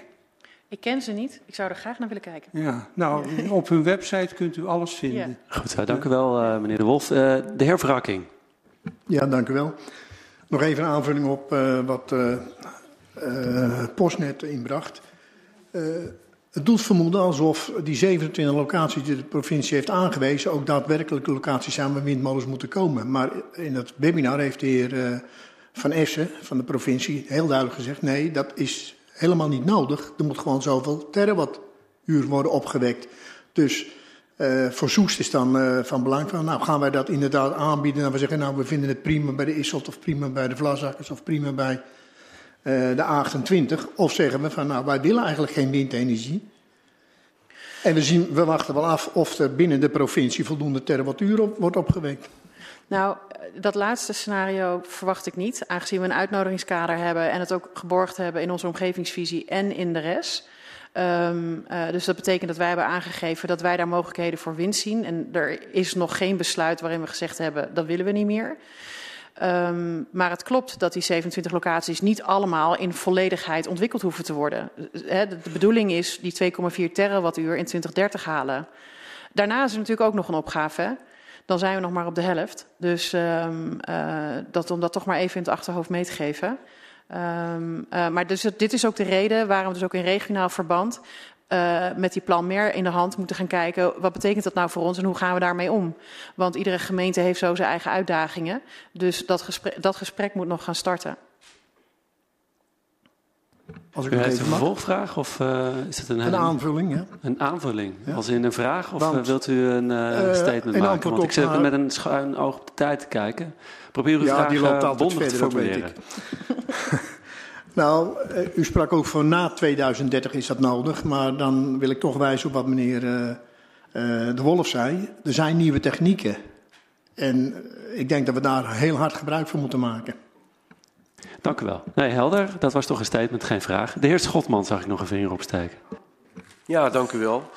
Um, u had het net over de twee, onderzoeks, of, de, uh, twee nummer 81 en nummer 84. En uh, eigenlijk in een eerder stadium is aan de raad voorgehouden of verteld dat uh, uh, een aantal van die locaties nemen we mee uh, om ze te laten toetsen door de provincie, door de plan MER. En uh, nu zie ik in de stukken vanuit de provincie zie ik staan dat een, onder andere locatie 81, dus de Vlasakkers, in, de, in de lijst van meest kansrijke gebieden is gekomen. En dan citeer ik even doordat ze als zoeklocaties zijn aangewezen door de gemeente. Mijn vraag is eigenlijk, klopt dit? Want volgens mij, of als ik me niet vergis, komt hij niet uit de multicriteria-analyse naar voren als meest geschikte locatie. Dus dan vraag ik me af, waarom hebben wij, uh, of waarom hebben we die locatie dan op de kaart staan? Als het eigenlijk objectief gezien niet de beste locatie is. Nou, daar is een heleboel over te zeggen. Uiteindelijk is de voorkeurslocaties zijn een bestuurlijke afweging van GS geweest. En ze hebben met de plan meer inzichtelijk gemaakt uh, hoe ze daartoe zijn gekomen. Maar daar hebben meerdere dingen meegewogen dan alleen de feitelijke uh, informatie uit de planmer. Dus, um, maar ik denk ook dat dit een hele goede vraag is om op 5 uh, februari aan, aan Huip van Es te stellen. Mevrouw Beekman, gaat u nog verder? Ik ben benieuwd hoe lang u ik nog nodig heeft. Ik had nog één sheet. U heeft nog één sheet. Ja, dat is volgens mij um, een hele korte, want daar is ook al veel over de revue gepasseerd ondertussen. Dat ging over de planning, als ik het goed heb. Ja, en eigenlijk het enige, nou u heeft het ook uh, uh, ontvangen. Um, um, ik wil je nog even wijzen, de verwachting is, de hoop is dat die landelijke plannormen of milieunormen dus voor de zomer er zijn. Maar goed, dat gaan we meemaken. Maar vooral even 5 februari extra onder uw aandacht brengen. Um, uh, dat dat een hele goede plek is om daar nog vragen te stellen. Ook te horen hoe de andere gemeenten erin zitten. Dus van harte uitgenodigd om erbij aanwezig te zijn. Want dat gaat denk ik ook een uh, goed beeld geven. En daarnaast hebben we u ook uh, in de notitie meegestuurd dat wij graag het projectteam van Oer ook hier willen uitnodigen om u mee te laten nemen in wat daar gebeurt in Oer. Dus dat willen we gewoon gaan organiseren. Ik zie hier en daar geknik. Dus dan gaan we dat gewoon in gang zetten. Want ik denk dat dat heel helpend kan zijn om te begrijpen hoe dat er precies allemaal uit gaat zien. Nou, top. Dan was dat het. Ja, dan wil ik u hartelijk danken. Dank u wel, mevrouw Beekman. U komt zo na de pauze nog even terug, heel kort, om uh, inderdaad uh, onze gast nog te introduceren. Uh, ik hoef niet nog een keer nogmaals te benadrukken. Ik denk 5 februari, zet het in uw agenda, wees daarbij. En wij komen nog terug op de vraag van de heer Schotman met betrekking tot de uitvoering van de motie. Dat wordt uh, bijna ter plekke zeg maar, uitgevoerd. Uh, dan schors ik de vergadering tot kwart voor negen. Dan komen we hier weer terug. Dames en heren, we gaan weer verder. Dus neemt u uw plaatsen weer in. Dan kunnen wij verder gaan met het tweede gedeelte van de vergadering. Dus ik heropen de vergadering. En voor degenen die net inschakelen, bijvoorbeeld via ons uh, uh, digitaal kanaal. Ik begrijp dat dat nu weer doet. Dat is heel fijn. We zijn bezig met een beeldvormende vergadering over energie. En in het tweede gedeelte gaan we het hebben over de gezondheidseffecten van windturbines. Daarvoor hebben wij een, uh, een gast en die gaat mevrouw Beekman introduceren, begrijp ik. Dus, uw kaartje is weg. Ja, dat mag vast niet, maar het zijn maar twee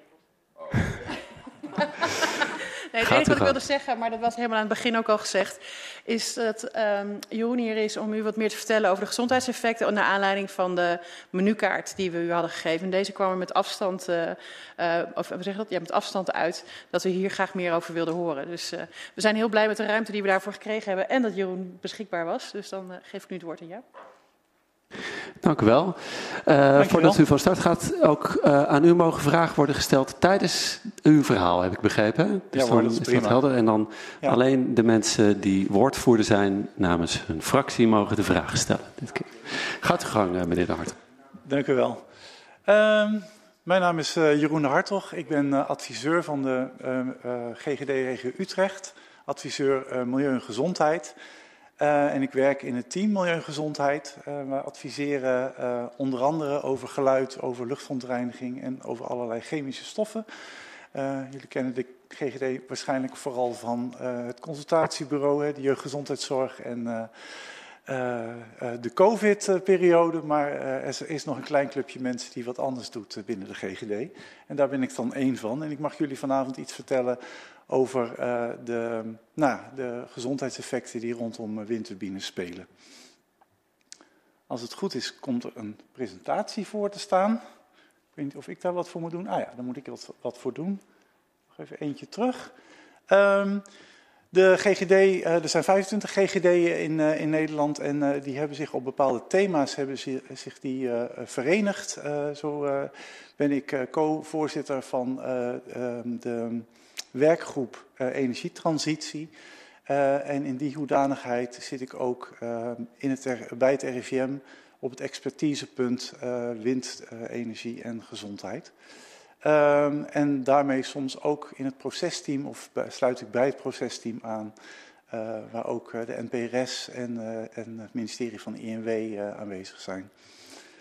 Um, even kijken. Um, als we het hebben over energietransitie, uh, dan gaat het al snel over windturbines. Maar er is natuurlijk eigenlijk meer, want uh, er zijn meerdere manieren om uh, energie op te wekken. Dat zou via biomassa kunnen, zonne-energie en windenergie.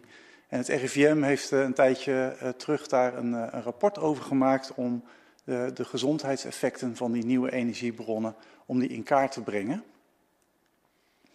Uh, en dan zie je eigenlijk, als je naar uh, alle bronnen kijkt, en sorry voor de kleine lettertjes, uh, maar dan zie je dat, dat er eigenlijk twee energiebronnen uitsp uitspringen als we het hebben over gezondheidseffecten. Over ziektelast is in dit geval dan uitgerekend. en dat is voor, voor windturbines gaat het dan voornamelijk over geluid en de hinder daarvan, daar ga ik straks verder over. Uh, voor de biomassa gaat het dan over luchtverontreiniging uh, van die biomassa. en dat is misschien wel even goed om dat in, in, nou, in perspectief te plaatsen. bij windturbines hebben we het natuurlijk over het klimaat, de klimaatdoelen. Hè, dan hebben we het over reduceren van CO2. maar wat eigenlijk vaak een beetje wordt vergeten is dat het uitbannen van fossiele brandstoffen nog een heel ander gezondheidseffect met zich meebrengt. Um, wat niet iedereen zich realiseert, is dat luchtverontreiniging, en dat zie je in dit plaatje rechtsbovenaan, uh, een behoorlijke impact heeft op de gezondheid van ons als Nederlanders. Na roken is het ongeveer een gelijkwaardig effect, gezondheidseffect, negatief gezondheidseffect, met overgewicht. En het is dus een sterker effect dan nou, de, de, te weinig beweging die we als, als Nederlanders krijgen. Uh, naar schatting eh, verliezen we gemiddeld 8 tot 10 maanden uh, aan levensverwachting en er zijn 11.000 uh, vroegtijdige sterfgevallen in Nederland als gevolg van luchtverontreiniging. Nou, dat effect, hè, dat effect van op het moment dat we zouden stoppen met fossiele brandstoffen en windturbines of andere manieren van energie, duurzame energieopwek, en er behoort biomassa dan niet bij, want daar ontstaat ook luchtverontreiniging door. Uh, zou dus een aanzienlijke gezondheidswinst opleveren uh, ten opzichte van het gebruik van die fossiele brandstoffen. Nou, ik zeg dat even van tevoren, omdat het bij windturbines vaak alleen maar gaat over de negatieve effecten, namelijk de hinder die, die daarvan optreedt. ik realiseer me heel goed dat die hinder dat die lokaal is en dat de gezondheidswinst van luchtverontreiniging dat dat een, vaak een veel groter en een breder effect heeft. Hè, maar dat speelt niet alleen maar in Soest, maar uh, dat speelt dan over heel Nederland. Ik denk wel dat het goed is voor, voor een om dat aspect ook even mee te nemen. Um, waar kunnen omwonenden mee te maken krijgen als we het hebben over windenergie? Nou, geluid denk ik wel uh, de meest bekende waar, waar, waar omwonenden mee te maken krijgen. Maar daarnaast ook slagschaduw kan een effect opleveren op, op, op omwonenden. En de schittering, lichtschittering, die afkomstig is van, ehm, van de windturbine zelf. daarnaast daarnaast staan er bovenop windturbines de zogenaamde obstakelverlichting. Verlichting is, is er opgemaakt om naderende vliegtuigen te waarschuwen. Uh, inmiddels zijn er ook wel wat experimenten gedaan met radar, zeg maar. Dus dat die verlichting alleen maar aangaat op het moment dat er naderend verkeer is. Um, en de visuele impact die, die windturbines kunnen hebben, die kan ook voor hinder zorgen voor omwonenden. Nou, als ik even begin bij, bij het geluid, het, het, nou, wel het voornaamste dan is het denk ik belangrijk om, om, om, jullie duidelijk te maken dat bij geluid eigenlijk twee, twee aspecten spelen. De ene is wat we dan de akoestische factoren noemen. Nou, dat is gewoon het geluid zelf. en de niet-akoestische factoren, persoonlijke, contextuele, nou, de slagschaduw en de schittering. Daar kom ik, daar kom ik zo nog even op. Um, de belangrijkste akoestische factor, dus het geluid van windturbines, die, dat is een hele specifieke. Uh, met een duur woord amplitudemodulatie, dat mag u allemaal weer vergeten. Uh, het gaat hier over, eigenlijk over de whoosh, het whooshgeluid wat, uh, wat een windturbine maakt. En dat specifieke geluid, dat zorgt voor een, uh, een eigenlijk een specifiek soort hinder. Um, de niet-akoestische factoren, die kan ik eigenlijk het beste uitleggen met, een, met het voorbeeld van de rijdende rechter. Ik neem aan dat de meesten van jullie dat programma wel kennen. Uh, de rijdende rechter komt bij iemand langs die last heeft van, uh, van geluid. Uh, die heeft twee buren. De ene buurman die, heeft een koekoeksklok. dat is nogal een, een, vervelende buurman. Je heeft ruzie over de heg, parkeert zijn auto op de verkeerde plek, enzovoort, enzovoort. De andere buurman die draait ACDC, maar dat is een hartstikke aardige kerel. Helpt altijd met sneeuwruimen, enzovoort, enzovoort. Nou, u raadt het al, op het moment dat je die twee dingen naast elkaar zet, dan heb je, heeft de persoon in kwestie heeft last van de koekoeksklok, maar geen last van ACDC. Op het moment dat je daar een geluidsmeter neerzet, dan meet je niks aan die koekoeksklok, maar je meet wel de ACDC. Nou, dat aspect is even in heel simpel, heel simpel uitgelegd een niet-akoestische factor. Uh, dat gaat over hoe sta je persoonlijk ten opzichte van het geluid. Um, dus het maakt uit, dat is eigenlijk wat ik zeg, het maakt uit hoe je ten opzichte van het geluid staat, hoe je het beleeft. Um, nou, even terug naar het geluid zelf. Hoeveel geluid maakt een windturbine nu eigenlijk? Um, het uh, schijnt niet zoveel uit te maken hoe hoog of hoe groot een windturbine is. Um, de geluidsniveau op, uh, op leefniveau is ongeveer hetzelfde.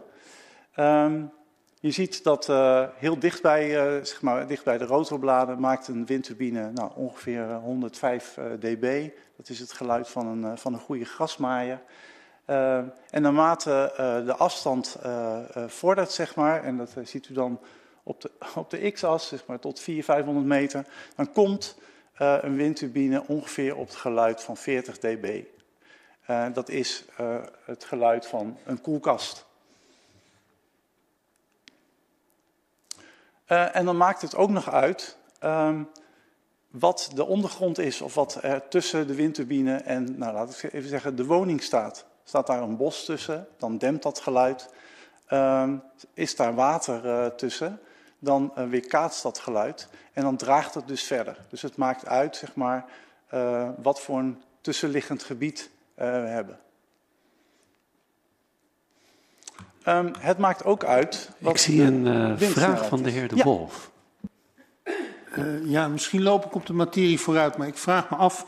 U noemt de ondergrond. Toen dacht ik in eerste instantie dat u het ook over de bodemgesteldheid zou gaan hebben. Dat dat ook een rol speelt. Dat zou ik me namelijk ook kunnen voorstellen. Wat bedoelt u precies met bodemgesteldheid? De samenstelling van, van simpelweg de, de, aarde in de omgeving. Staat dat ding uh, op een zandplaat, in zandgrond? Of staat die toch...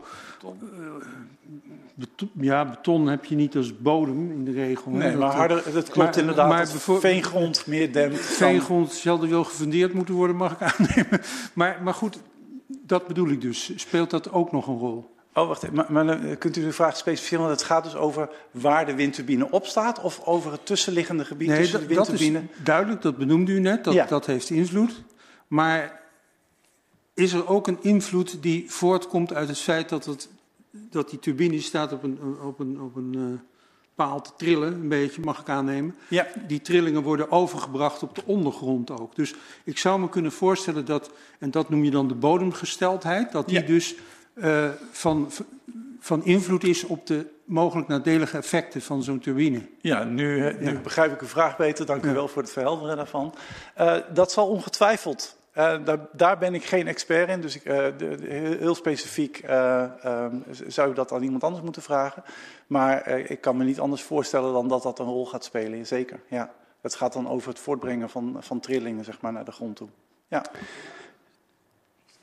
Ik stel de vraag eigenlijk een beetje ook hierom, omdat uh, blijkt dat uh, uh, wat ik gelezen heb over het RIVM, maar ik weet niet, daar zult u ook alles van weten, neem ik aan, van die rapporten en onderzoeken. Zeker. Maar dat ze zich vooral hebben gebaseerd op onderzoeken in het buitenland, op literatuur. En niet zozeer op onderzoek in Nederland. En Nederland heeft toch wel een aparte bodemgesteldheid. Ik, ik kom zo nog even terug ja? op, op, het okay. RIVM-onderzoek, maar ja, precies. Ja, dat, ja, okay, dat dan had ik, uh, zag ik ook nog een vraag van de heer Wrakking en daarna de heer Polvliet. Nee, de heer Wrakking niet. U had dezelfde vraag. Dan is de heer Polvliet. Zit hier, uh, uh, warmtepompen en airco's zijn door de jaren heen stiller geworden door nieuwe techniek. Zit er ook nog ontwikkeling in de techniek voor windturbines? Zeker, ja. Ja, windturbines worden natuurlijk steeds stiller. daar, daar, daar, is, daar, is, daar is ontwikkeling in. voor de... Um, voor de energiesector levert het natuurlijk ook wat op hè, om stiller te zijn. Dat, dat, maakt gewoon een betere business case eigenlijk om, stiller te zijn. Um, hoe dat in de toekomst gaat, ja, dat is natuurlijk moeilijk te voorspellen. Maar uh, ja, dat is, uh, het is zeker de verwachting dat, of nou ja, de, ze, zijn al stiller geworden in het afgelopen jaar. Ja. Mevrouw Flitteman.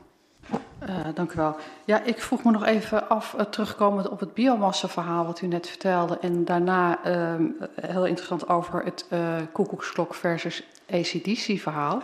Ja. Um, ik moest namelijk even denken dat ik gisteren vandaag een, een berichtje las over um, de uitstoot van houtkachels en open haarden. Jazeker. Um, is vier keer zoveel als de fijnstofuitstoot van wegverkeer. Um, heel slecht voor de volksgezondheid, zegt ook uw uh, GGD. Zeker. En, en, ik vraag me af, is dit dan zo'n voorbeeld van, daar hoor je namelijk heel weinig over, hoe schadelijk dat wel niet is. Is dat zo'n voorbeeld dat in dit geval uh, die fijnstofuitstoot eigenlijk de koekoeksklok is en uh, de, of andersom, de, de windmolens zijn de koekoeksklok en dit is de ACDC, maar je accepteert het, want dat is de buurman met zijn open haard? Zoiets? Nou, het, het adagium wat bij ons uh, in het team wel een beetje heerst, is dat uh, mensen die maken zich zorgen over dingen waar ze niet dood aan gaan. En ze gaan dood aan de dingen waar ze zich geen zorgen over maken. Precies. En uh, nou ja, de, de, uitstoot van, van fijnstof is daar zeker eentje van. dat is iets waar wij ons heel erg zorgen over maken al jaren. Uh, voor autoverkeer, voor, voor het wegverkeer uh, is er al heel veel gebeurd. Er zijn allerlei normen uh, waardoor ook de uitstoot van het wegverkeer enorm is afgenomen. Voor houtstook is dat niet zo. En dat betekent dat op dit moment het aandeel van houtstook aan de totale uitstoot zeg maar, enorm groot is geworden. Waar dat vroeger voornamelijk, hadden we het voornamelijk over wegverkeer. En nu is die houtstook, zeg maar, het, onderdeel houtstook is, is, is een groter deel van het taartpunt. Ja, zeker, ja. Beantwoord ik daarmee uw vraag voldoende? Nou, de, vraag was eigenlijk, um, kan je houtstook dus zien als wat het voorbeeld wat u net zei, van hè, het, het, je accepteert het omdat het blijkbaar de buurman is met zijn open haard. en dat je dus meer moeite mee hebt met het geluid van een windturbine, omdat dat niet He, dat je daar geen sympathie voor hebt, dat ik het zo.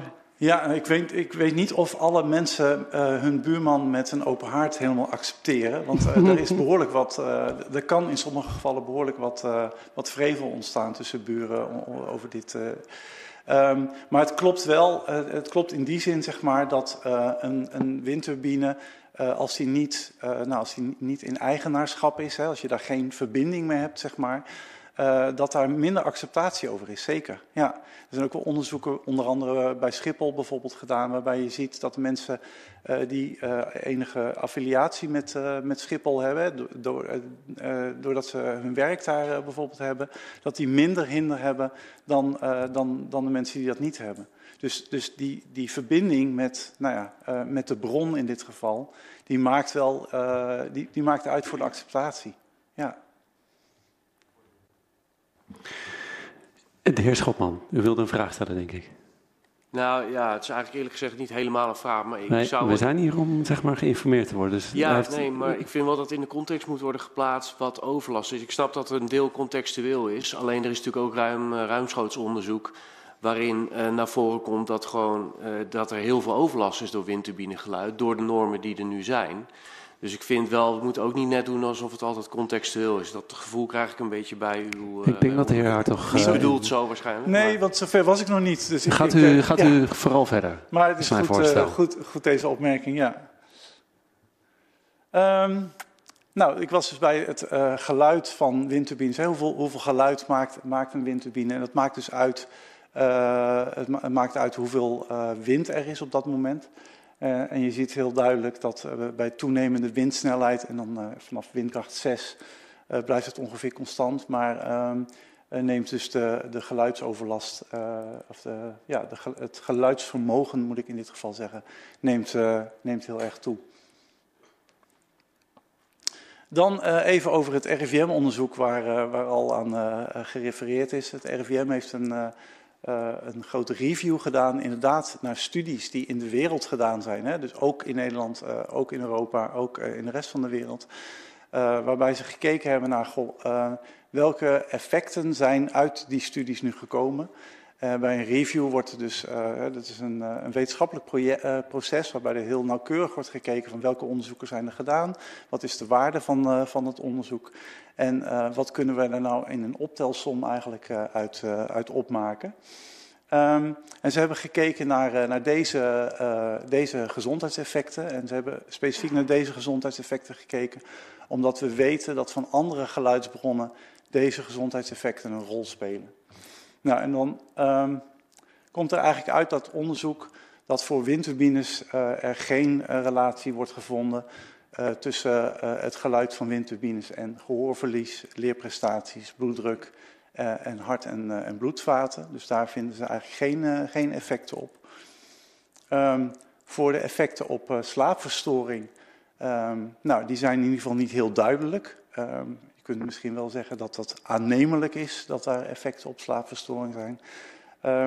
maar het voornaamste effect wat, wat wordt gevonden is op geluidhinder dus het is heel duidelijk, en uh, daarmee hoop ik ook antwoord te geven op, uh, op, deze opmerking, uh, dat er wel degelijk hinder is van, van, van geluid. Um, voor de mensen die denken, goh, hinder, maar ja, dat is gewoon een beetje last van hebben. de gezondheidsorganisatie, de Wereldgezondheidsorganisatie, als die het over ziekte heeft of over gezondheid, en zo, zo zien wij dat vanuit de GGD ook, dan zeggen ze dat het niet alleen maar het, aan, of, of het afwezig zijn of het aanwezig zijn van een ziekte is, maar dat het over het hele welbevinden gaat. Hè. Dus gezondheid gaat over meer dan alleen maar ziekte. En dus zien wij geluid hinder, zien wij hinder ook wel degelijk als een gezondheidseffect. Nou, wat staat er in, uh, in het onderzoek? En uh, de link uh, van, aan het onderzoek die, die staat onderaan deze sheet. Dat er een bewezen relatie is tussen windturbinegeluid en hinder. En dan gaat het dus voornamelijk over die amplitudemodulatie, dat whoosh-geluid wat ik, wat ik eerder noemde. Nou, daarnaast is windturbinegeluid is hinderlijker dan weg- of railgeluid. Nou, daar kom ik straks nog even op terug hoe dat dan zit. Um, er is een verband tussen zelfgerapporteerde slaapverstoring en hinder. Um, maar, nou, wat ik net ook al zei, er is onvoldoende bewijs voor andere gezondheidseffecten. Dus uh, de cardiovasculaire, dus op het hart, de diabetes, obesitas, nou, uh, daar konden ze geen, geen bewijs voor vinden. Um, en dan, en dat is misschien ook wel even goed om te noemen, het advies, de advieswaarden of de, ad, de, adv de, adviezen die vanuit het RIVM daaruit voortkomen, dat zijn ook de adviezen die de Wereldgezondheidsorganisatie geeft. Uh, die zeggen dan, uh, nou, uh, het is verstandig om een gemiddelde jaarconcentratie, een gemiddelde jaarbelasting van 45 dB aan te houden. Nou, dat wordt dan uitgerekend in L-den. En die L die staat dan voor het jaargemiddelde. En die den die staat dan voor day, evening en night. Wat er eigenlijk gebeurt is dat overdag wordt het geluid gemeten. Um, in de avonduren ook. Maar in de avonduren die krijgen dan een straffactor van 5 dB dus als je daar 40 dB meet, dan wordt dat 45 dB. En in de nachtelijke uren, dan uh, komt er een straffactor van 10 dB bovenop. En dat middelen ze dan over een dag en dat middelen ze over een jaar. Dus dat is de manier waarop die LDEN wordt berekend.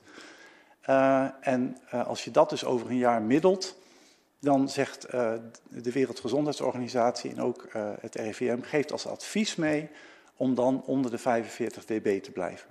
En dat is lager dan uh, nou goed, de, de, de, oude norm, laat ik even zeggen, van 47 dB die in Nederland door de Raad van State is verworpen. Um, ja, er is een vraag. Ja, dank u. Uh, ja, nou is net de sheet weg, maar er stond dat er geen nachtelijk advies gegeven werd door het RIVM. Of door de, ja. ja. Maar juist s'nachts heb je last van die vooral lage toon.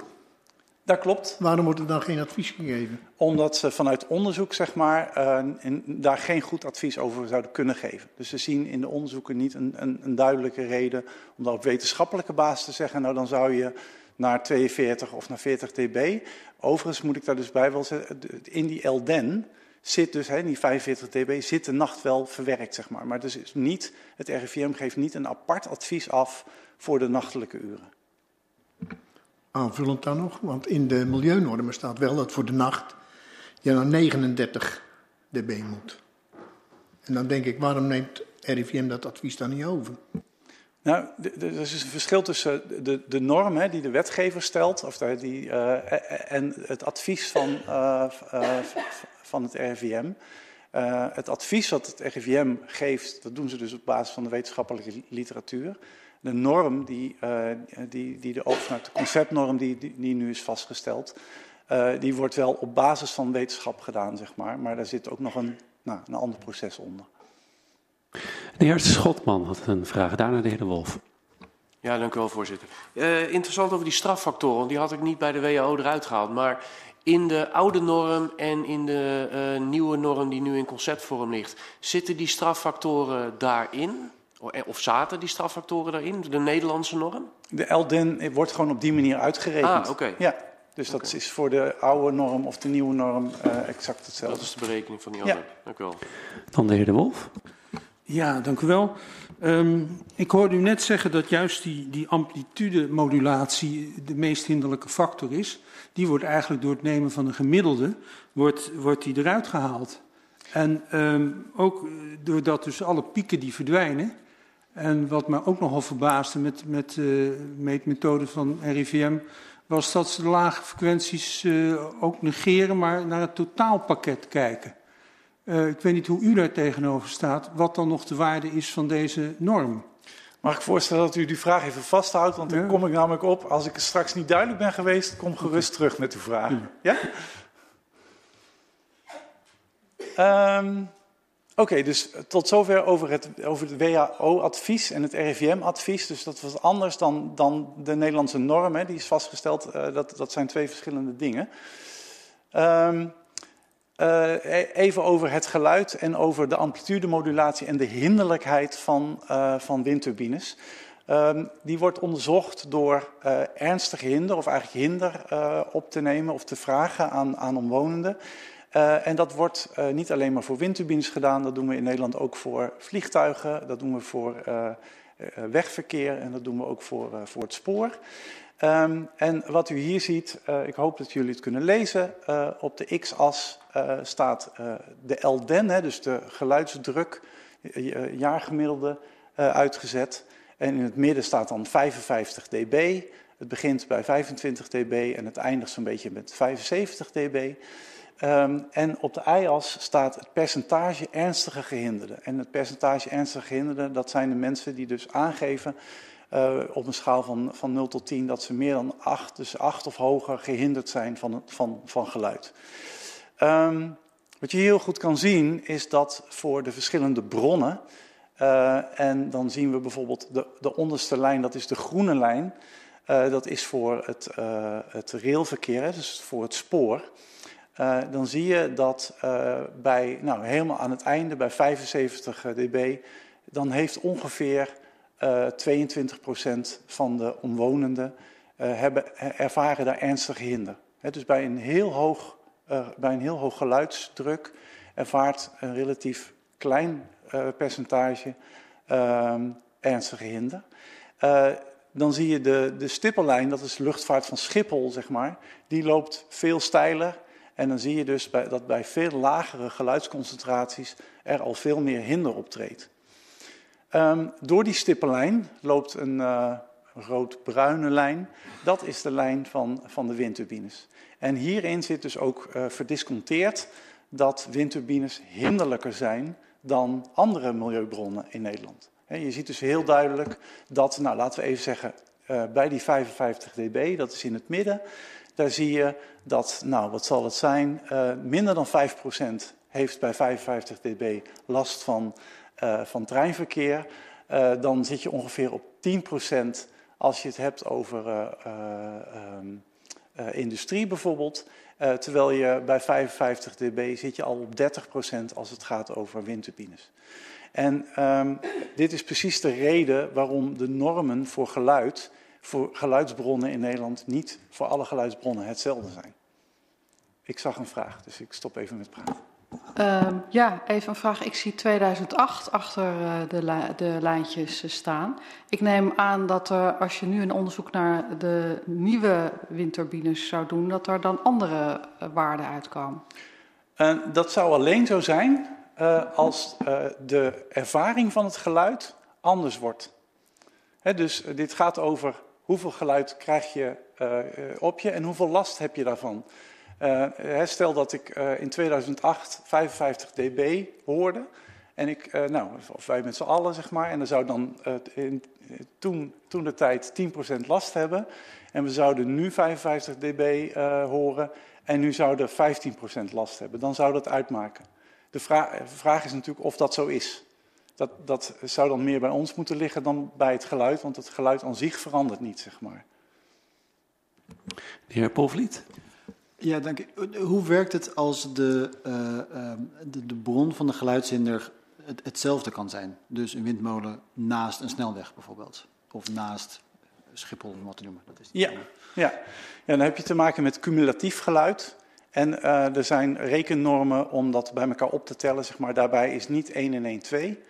Um, maar uh, daar kun je dus schuivend over de as, zeg maar, kun je bepaalde, wind, uh, bepaalde bronnen kun je bij elkaar optellen, waardoor er dus extra hinder ontstaat. Want dat kan, hè? Dus het kan inderdaad zo zijn dat nou, een, een, een, windturbine naast een snelweg, dat, dat zijn twee verschillende geluidsbronnen die, die allebei van invloed kunnen zijn op een woning. Uh, en er zijn rekenmethodes voor om dat uit te rekenen. Ja. En de heer Schotman, daarna de heer Frakking. Ja, die cumulatie van geluid. Um, eigenlijk twee vragen. Maar welke normen zijn dan van toepassing? Want er zijn dus verschillende normen voor bijvoorbeeld windturbines en snelweggeluid. En als we het over oer 28 hebben, dan is dat bijvoorbeeld een goed voorbeeld. Um, en uh, ik had juist begrepen dat de, de, normen die er waren voor windturbines juist eigenlijk soepeler waren dan voor industriegeluid. Mede omdat er alleen maar LDEN wordt gebruikt en geen uh, piekbelasting bijvoorbeeld. Maar dat is in het verlengde van de vraag van de heer De Wolf. En, en de vraag is of... Dus bij cumulatie van geluid, bijvoorbeeld snelweg en windturbine. Welke norm is dan op dat moment van, van toepassing? Hoe, uh, hoe kan... Ja, de, de, de, normen voor, voor windturbines, het zou bijvoorbeeld ook kunnen zijn dat er meerdere windturbines zijn, zeg maar. Hè? Dus dat je niet één windturbine neerzet, maar, maar meerdere naast elkaar die, die, die cumulatie uh, veroorzaken. Dan nog steeds geldt die norm. Dus dat betekent dat je daar dan onder moet blijven. Dus op het moment dat je meerdere bronnen uh, bij elkaar zet, dan wordt de ruimte wordt eigenlijk kleiner. Dus als je twee windturbines neerzet, die uh, herrie maken, even heel simpel gezegd, je moet nog steeds onder die norm blijven. Het geldt niet zo dat je dan ineens twee keer zoveel geluid mag maken. Maar als ik daarop. Dus stel dat je een windturbine vlakbij een snelweg zet en je hebt daar geluidsgevoelige objecten. Dan zou het in de praktijk betekenen dat die windturbines verder van die uh, gevoelige objecten af moeten staan. Dat het cumulatie-effect is? Ja, dat, ja. ja, daar komt het op neer. Oké. Okay. De. Ja, dank u wel. Um, even een aanleiding voor het antwoord wat u aan uh, mevrouw Flinterman gaf, want die had het over 2008. Maar de windmolens zijn natuurlijk uh, nu wel van een heel ander type als uh, in 2008. En uh, u heeft gelijk als u zegt van 55 dB, toen is ook 55 dB nu, maar u laat het los van de frequentie. En mijn vraag is dus, weet u ook of de frequentie van de nieuwe molens, en vooral het laagfrequent geluid, anders zijn als van de oude molens, want dan heeft het wel degelijk invloed. De, de, de, het, over het hele gebied bedoelt u, de, uh, het frequentiebereik? Vooral de laagfrequente. Ja, ik kom zo even terug op het laagfrequente eh, geluid als u het goed vindt. Ja. Um, ik hoop dat dit duidelijk is. Hè? Dus, dus, het gaat over verschillende bronnen, die uh, maken allemaal geluid. Uh, maar in Nederland uh, is het zo dat, dat wij een 10% norm ongeveer aanhouden als acceptabele hinder. Vind ervan wat je ervan vindt, dat is wat we doen, zeg maar. Dus voor, voor verkeer hebben we een norm van 50 dB. die is ook afgeleid uit deze norm, want dan blijf je onder de 10% ernstige gehinderden.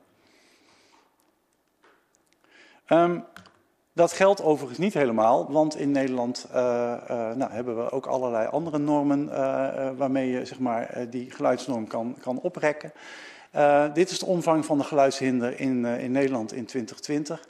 En je ziet dat hier nou, vooral mensen gehinderd zijn door, door wegverkeer. buren zijn een belangrijke bron. Um, daar zijn geen dosis-effectrelaties van, maar dat is het koekoeksklok en ACDC-verhaal, zullen we maar even zeggen. Nou, uh, enzovoort, enzovoort, tot aan windturbines. Um, met, uh, um, nou ja, met de, hoe heet het? De, de, voorzichtige aanwijzing hierbij dat er nog weinig windturbines staan. Hè, dus, en dat dit maar voor een klein gedeelte van de Nederlandse bevolking geldt. Waarbij wegen natuurlijk door heel Nederland lopen. Dus het is niet zo gek dat daar veel meer mensen ook last van hebben. Maar toch even goed om uh, te laten zien. Um, ja, ik kom straks ik dacht eigenlijk dat die, die hier al zat, maar ik kom straks echt nog even terug op, de, op het laagfrequent geluid, want daar is wel echt wel degelijk wat over te zeggen. Um, nou, ik heb al gezegd dat persoonlijke en contextuele factoren dat die van belang zijn voor, voor de beleving, hè, voor de hinder van, uh, van windturbines. Um, daar speelt ook geluidsgevoeligheid bij. En ook daarvan uh, verwijs ik dan graag naar uh, de rijdende rechter, waarin nou ja, je soms ziet dat mensen bijna niet waarneembaar geluid toch horen en, en, en, last van hebben, omdat mensen nou eenmaal meer of minder geluidsgevoelig zijn. Um, die geluidsgevoeligheid die zit overigens wel in die doos-effectrelaties uh, verweven. He, dus uh, die, die doos-effectrelaties die ik net liet zien, die, die, die lijnen, dat uh, zijn onderzoeken die onder bevolking is gedaan. Daar zitten natuurlijk ook geluidsgevoelige mensen bij. Dus dat, dat zit daarin verweven. Um, nou, de houding ten opzichte van windturbines die, die, die speelt een rol. Maar ook het, het economische belang kan een, kan een rol spelen. Nou, wat ik net al zei, bij, bij Schiphol is dat wel gebleken. Uh, dat kan dus ook zijn dat uh, op het moment dat je uh, een groep mensen hebt die in gezamenlijkheid een windturbinepark ontwikkelt, die hebben ook economisch belang van dat windturbinepark. En daar zie je dan ook vaak dat mensen minder hinder ervaren, omdat het van hunzelf is, zeg maar, geworden. Um, er zijn ook relaties tussen hinder en visuele aspecten. Dus dat betekent dat mensen die de windturbines kunnen zien, vanuit een raam bijvoorbeeld, uh, dat die uh, meer uh, hinder ervaren dan mensen die dat, waarvoor dat niet het geval is. Nou, dan even over het laagfrequent geluid, want daar is nogal wat over te doen. want wat is laagfrequent geluid? Nou, laagfrequent geluid is een onderdeel van het geluid. het is niet een, een, aparte groep geluid. Het is geluid heb je, dat zijn golven. Dat kunnen hele korte golven zijn of dat kunnen langere golven zijn. En die frequentie die maakt uh, dat je een hoge toon hebt of een hele lage toon. Uh, nou, een, laagfrequent geluid zijn tonen onder de 125 hertz.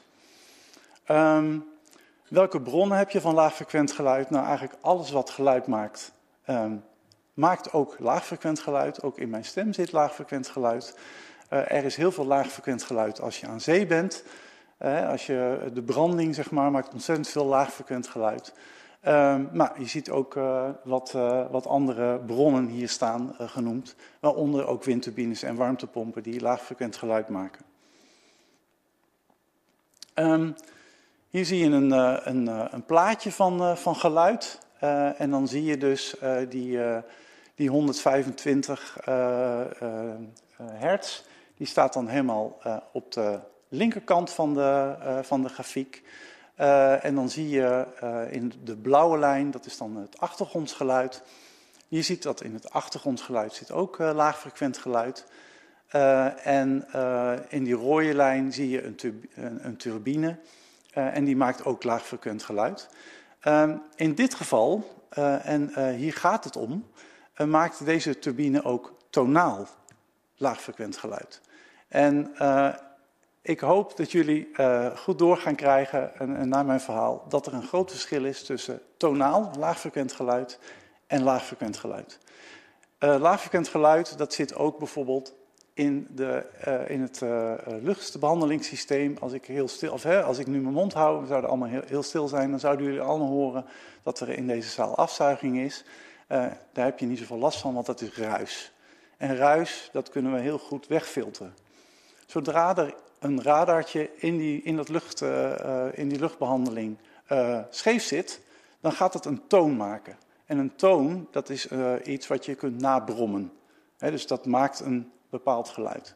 Er zijn een aantal windturbines, er is een aantal windturbines in Nederland, die niet goed functioneren en die bij onder speciale omstandigheden laagfrequent tonaal geluid maken. En vanwege die turbines is er veel ophef ontstaan, uh, terecht denk ik ook wel hoor, uh, over het laagfrequent geluid. Dus dat gaat over het tonale laagfrequent geluid. En afgelopen zomer uh, kwam er geluids, nieuw geluidsonderzoek uh, bij de N33. Uh, daar komt voornamelijk het, het, verhaal over laagfrequent tonaal geluid vandaan. dat windmolens bij het N33-park, dat die brommen. en na lang onderzoek blijkt dat die vooral brommen ehm, wanneer er curtailment optreedt. En curtailment, uh, dat is eigenlijk vrij makkelijk uit te leggen. Op hele mooie zonnige dagen, waarbij er veel wind is, wordt er ontzettend veel energie geproduceerd. Zoveel dat de energieprijs daalt, zelfs tot onder de nul. Uh, en dat betekent nou, in feite dat de energieproducenten geld toe zouden moeten geven als je energie gebruikt. Dat willen ze niet. Dus wat doen ze? Ze draaien de windturbines een klein beetje terug. Om te zorgen dat er minder energie wordt geproduceerd. Dat is curtailment. Uh, dat kunnen windturbines over het algemeen prima aan. Er zijn heel veel, heel veel windturbines in Nederland die dat prima doen. En er zijn er een paar die dan tonaal laagfrequent geluid gaan maken. Ik weet dat de producent hard bezig is om dat op te lossen, maar het is nog niet opgelost. En in dit specifieke geval, en daarom is er ook zoveel ophef over, um, die, dat tonale laagfrequent geluid, dat blijft binnen de norm. Dus dat betekent dat de producent in dit geval de windturbines aan kan laten, uh, want nou, voldoet aan de norm, dus, dus even heel plat gezegd geen probleem. Um, terwijl de omwonenden juist van dat tonale laagfrequent geluid heel veel last hebben. Dus het is erg van belang dat op het moment dat er windturbines ergens geplaatst worden, dat er specifiek voor dat tonale geluid uh, een, een, eigenlijk een aparte norm komt. Zeg maar. Bovenop de norm uh, uh, die je dan maar stelt, ehm, moet je eigenlijk zorgen dat dat tonale geluid niet voor kan komen. Um, een, oh, ik dacht dat er nog iets kwam, maar dat is niet zo. Even kijken hoor, even terug. Um, een ander uh, voorbeeld van, van een windpark uh, waar, uh, waar problemen zijn ontstaan, het windpark Spui in, bij Rotterdam, onder Rotterdam, waar windturbines in een lijn zijn geplaatst. En het blijkt dat bij een specifieke windrichting, volgens mij echt dwars op die lijn, zeg maar, dat, er, dat de laatste windturbine ook nou zeg maar, a-specifiek geluid gaat maken, waardoor er meer hinder ontstaat dan, uh, nou, dan je eigenlijk van een windturbine zou mogen verwachten. De heer Polvliet heeft een vraag. Ja, dank u. Um, overigens vind ik, moet ik even zeggen, dat, dat ACDC wel in een slecht daglicht komt uh, oh, vanavond. Dat is, dat is niet mijn bedoeling. Over, over ja, dat is niet maar dat is wel een aardige, aardige uh, buurman, hè? Ja, dat is waar, dat is waar. Um, uh, het goed nieuws eigenlijk dat, dat, dat lage frequentie iets is van, een, van eigenlijk een fout in, in de werking van, van de windturbine. Um, zou dat niet moeten worden opgelost dan in de vergunningsverlening? En, en is daar, worden daar ook stappen gezet? Ja en ja.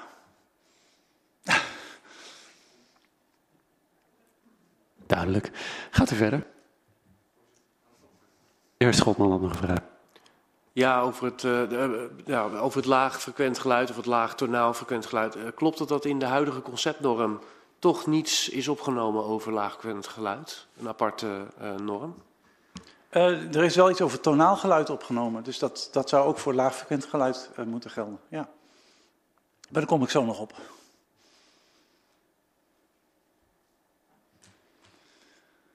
Um, nou, dus tot zover het tonale laagfrequent geluid. Um, er is volgens het RIVM dus geen bewijs dat laagfrequenties aan zich, hè, dus dan heb ik het dus weer over de ruis dat die extra hinder opleveren. Uh, maar dus wel in het geval van curtailment in die gevallen van uh, windturbines die eigenlijk niet goed functioneren. Um, dan ga ik even over tot uh, het conceptbesluit windturbines, waar jullie waarschijnlijk allemaal al kennis van hebben genomen. Daarin die, die nieuwe, het zijn, nog, het zijn nog conceptnormen, dus ze zijn nog um, onder concept. Er zijn geloof ik, als ik het goed heb gehoord, uh, ergens tussen de 500 en 700 uh, zienswijzen op deze uh, conceptnorm ingeleverd. Dus het ministerie is op dit moment hard bezig om die zienswijzen te rubriceren en te verwerken. de nieuwe normen die gelden voor alle windturbines op land. voor langer bestaande windturbines gelden in principe nog de oude normen. De oude normen waren 47 dB LDEN. Um, en voor windturbines gebouwd of vergund sinds 1 juli 2021 eh, gelden speciale overgangsregelingen. Um, nou, dat, dat tot, tot, tot zover. Ik ga even over die, uh, over die uh, um, de oude en nieuwe normen vergelijken. De oude normen, ehm, daar stond dus een LDEN van 47 dB en een L-Night van 41 dB. Uh, dat is aangepast. Uh, de standaardwaarde wordt nu 45 uh, dB LDEN en 39 dB L-Night op een geluidsgevoelig gebouw. Um, en er is lokaal maatwerk mogelijk tot een grenswaarde van 47 dB en 41 dB L-Night. Um, nou, er is een afwijkingsruimte voor lagere waarden dan standaardwaarden als aanleiding uh, daartoe op grond van cumulatie. Nou, er werden net al vragen gesteld over cumulatie, dus dat kan. Um, en hier staat hij, er is een extra toeslag van 5 dB bovenop de geluidsnorm voor tonaal geluid. Nou, en in uh, praktijk zal dat betekenen dat wanneer een windturbine uh, dat tonale geluid gaat produceren, dat hij eigenlijk niet meer rendabel wordt. Zeg maar. Dus dan moet je hem zo vaak stilzetten dat dat geen zin meer heeft. Um, even kijken hoor. Uh, oh ja, er is een uitzondering voor molenaarswoningen. Dat geldt natuurlijk ook, zie je ook uh, in, uh, in Flevoland, waar allerlei boeren windturbines op hun eigen grond hebben staan. Um, voor slagschaduw is er een. Oh, er is een vraag. Ja, ik vroeg me af, is dat maatwerk nodig, lokaal maatwerk? Mag je dus afwijken van de norm met 2 dB? Begrijp ik? Dat mag, ja. Met een lijstje van criteria wanneer je dat mag? Wanneer dat mag, ja. Dus als je dat goed. en dit is nog concept, hè? Dus ik, uh, de, ja. uh, maar als je dat goed kunt onderbouwen, en dat is eigenlijk, dat is eigenlijk nu de huidige gang van zaken, hè, sinds, de, sinds de Raad van State de, de oude normen heeft uh, verworpen, zeg maar, kun je eigen normen als gemeente vaststellen, mits je die goed kan onderbouwen. Um, voor slagschaduw is er, een, uh, is er ook een aparte norm. Uh, dat was 17 dagen uh, en 20 minuten per jaar. Ehm, maar dat was onduidelijk. Dat is tegenwoordig maximaal 6 uur per jaar en maximaal 20 minuten per dag op een woning. En dat gaat dan over een actieve windturbine. Dus dat gaat over de, de slagschaduw van de, van de wieken. Um, en daar moet dan een automatische stilstandsvoorziening bij staan. Nou goed. Uh, voor externe veiligheid, nou, daar ga ik eigenlijk niet zo op in. Dat is niet helemaal mijn cup of tea. Uh, maar in ieder geval uh, is daar een, een, grenswaarde voor gesteld. Um, en voor obstakelverlichting en markering. Um, nou, um, de, de, kleur van de turbines is dan vastge vastgelegd. De mast en de wieken die moeten wit zijn. Verlichting moet s'nachts rood en overdag wit zijn met vaste flikkerende lampen. Um, en je kunt maatwerk, uh, nou ja, dat heb ik net ook al gezegd, je zou naderingsdetectie voor luchtvaart, uh, um, luchtvaartuigen zou je kunnen uh, plaatsen, zeg maar, zodat er geen flikkering meer plaatsvindt. En naast deze normen, hè, dus er was al een geluidsnorm, is er nu ook een, een afstandsnorm vastgesteld. En die zou tenminste een afstand van twee keer de tiphoogte moeten zijn. Dus op het moment dat een, uh, een windturbine 240 meter hoog is bijvoorbeeld, dan zou je dus een, een afstandsnorm van 480 meter moeten houden, sowieso al zeg maar. En dat staat dan los van, uh, van de geluidsnormen die, uh, die daar plaatsvinden. Nou, in conclusie, wanneer kan het geluid van een windturbine hinderlijk zijn? Nou, dat kan natuurlijk te maken hebben met de afstand, hè, dus het geluidsniveau zelf. Uh, ik heb verteld over de amplitudemodulatie, het zwiepende geluid. Uh, het tonale geluid kan een extra hinderlijke uh, factor zijn voor, voor windturbines. en de persoonlijke en contextuele factoren spelen een rol. Dus de gevoeligheid voor het geluid. zie, ik, zie ik de windturbine of niet? heb ik persoonlijk belang of nou ja, wellicht kan uh, de plaatselijke supermarkt wel blijven bestaan omdat er gelden vanuit een windturbinepark naar uh, de gemeenschap terugvloeien. dat zijn allemaal mogelijkheden waarop, de houding zeg maar, van omwonenden kan veranderen. Um, wat, wat, betekent die geluidhinder? Nou, het kan natuurlijk tot irritatie en onbehagen leiden, maar uiteindelijk ook tot stressgerelateerde gezondheidsklachten. Dus hinder is dan het beginpunt. En dat eindigt in allerlei gezondheidseffecten die uh, aan stress gerelateerd zijn. Ehm, ik heb verteld dat windturbines hinderlijker zijn dan andere uh, bronnen. Ehm, en dat er op dit moment geen andere effecten dan geluidhinder uh, zijn aangetoond, maar dat de relatie met slaaphinder wel aannemelijk is. Um, nou, vanuit, de GGD zeggen wij dat het verstandig is om vooraf een goede keuze van locatie voor, voor windturbines te maken. dit in acht nemend dat betekent dat het belangrijk is dat er goed onderzoek gedaan wordt naar de effecten voor omwonenden. Um, en dat het dus heel erg van belang is, um, juist vanwege die houding ten opzichte van, van windturbines, dat er goede afspraken zijn over participatie, al dan niet financieel, dat kan. Ik, ik, zie vaak dat er een soort 50%-norm, is, dus dat omwonenden voor 50% moeten kunnen participeren in een windturbinepark. Um, maar ook dat er eh, stilstandsvoorzieningen aangelegd kunnen worden. Hè. Dus uh, dat is eigenlijk iets wat ik, waar ik niet zo op in ben gegaan. Uh, in de piekbelasting, hè. dus op het moment dat een windturbine um, ja, heel veel geluid maakt op een dag, zou je, uh, als je dat windturbinepark in eigen beheer hebt, hè, dus omwonenden hebben dat in eigen beheer, die zouden dan een stilstandvoorziening kunnen, kunnen aanvragen. Uh, en dat zou je met een app of zo kunnen regelen. Nou, er zijn, er zijn mogelijkheden toe. Dat, dat zou je goed moeten onderzoeken, hoe dat dan werkt. Um, en vanuit de GGD roepen we ook wel op om naplaatsing te zorgen voor goede monitoring en handhaving. Want ik denk dat dat voor omwonenden in ieder geval heel belangrijk is. Dat mocht je ertoe overgaan om windturbines te plaatsen, dat, dat dat stukje zeg maar, voor omwonenden uh, het grote verschil kan uitmaken. Hè? Je ziet dus, heb, wat ik heb uitgelegd, op plekken waar het niet goed werkt, hè, waar windturbines niet goed functioneren, als omwonenden dan geen, geen maatregelen meer kunnen treffen, als er dan geen handhaving meer plaats kan vinden, ja, dan ontstaat pas de echt, echte overlast. Tot zover mijn verhaal en ik verwacht dat er vast nog wel vragen zijn. Uh, dat klopt, want ik zie in ieder geval de heer Schotman zijn vinger opsteken. Dus de heer Schotman. Ja, dank u wel. Misschien kan de ene laatste sheet nog heel even in beeld. Uh, die, uh, kijk, wat je, wat je natuurlijk ziet is, jullie adviseren dit. En dan heb je aan de andere kant heb je de, de regelgeving. En de indruk die wij hebben is dat er vooral naar die regelgeving wordt gekeken. En dan wat maximaal mogelijk is. Dus dat is al één ding. En de tweede is monitoring en handhaving. Want die handhaving, daar, vroegen, nou, daar vroeg ik in ieder geval net al even naar. We, we werken, er wordt gewerkt met LDEN, dat is een jaargemiddelde. En uh, nogmaals, in 2009 heeft de inspectie VROM al hele kritische kanttekeningen gezet bij die norm. Uh, omdat je pas na het eerste jaar kunt bekijken of die, uh, of die nou ja, niet is overschreden.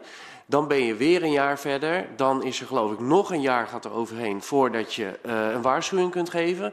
Dan heb je nog een jaar voordat je sancties kunt opleggen. Ik geloof dat je in totaal vijf jaar verder bent.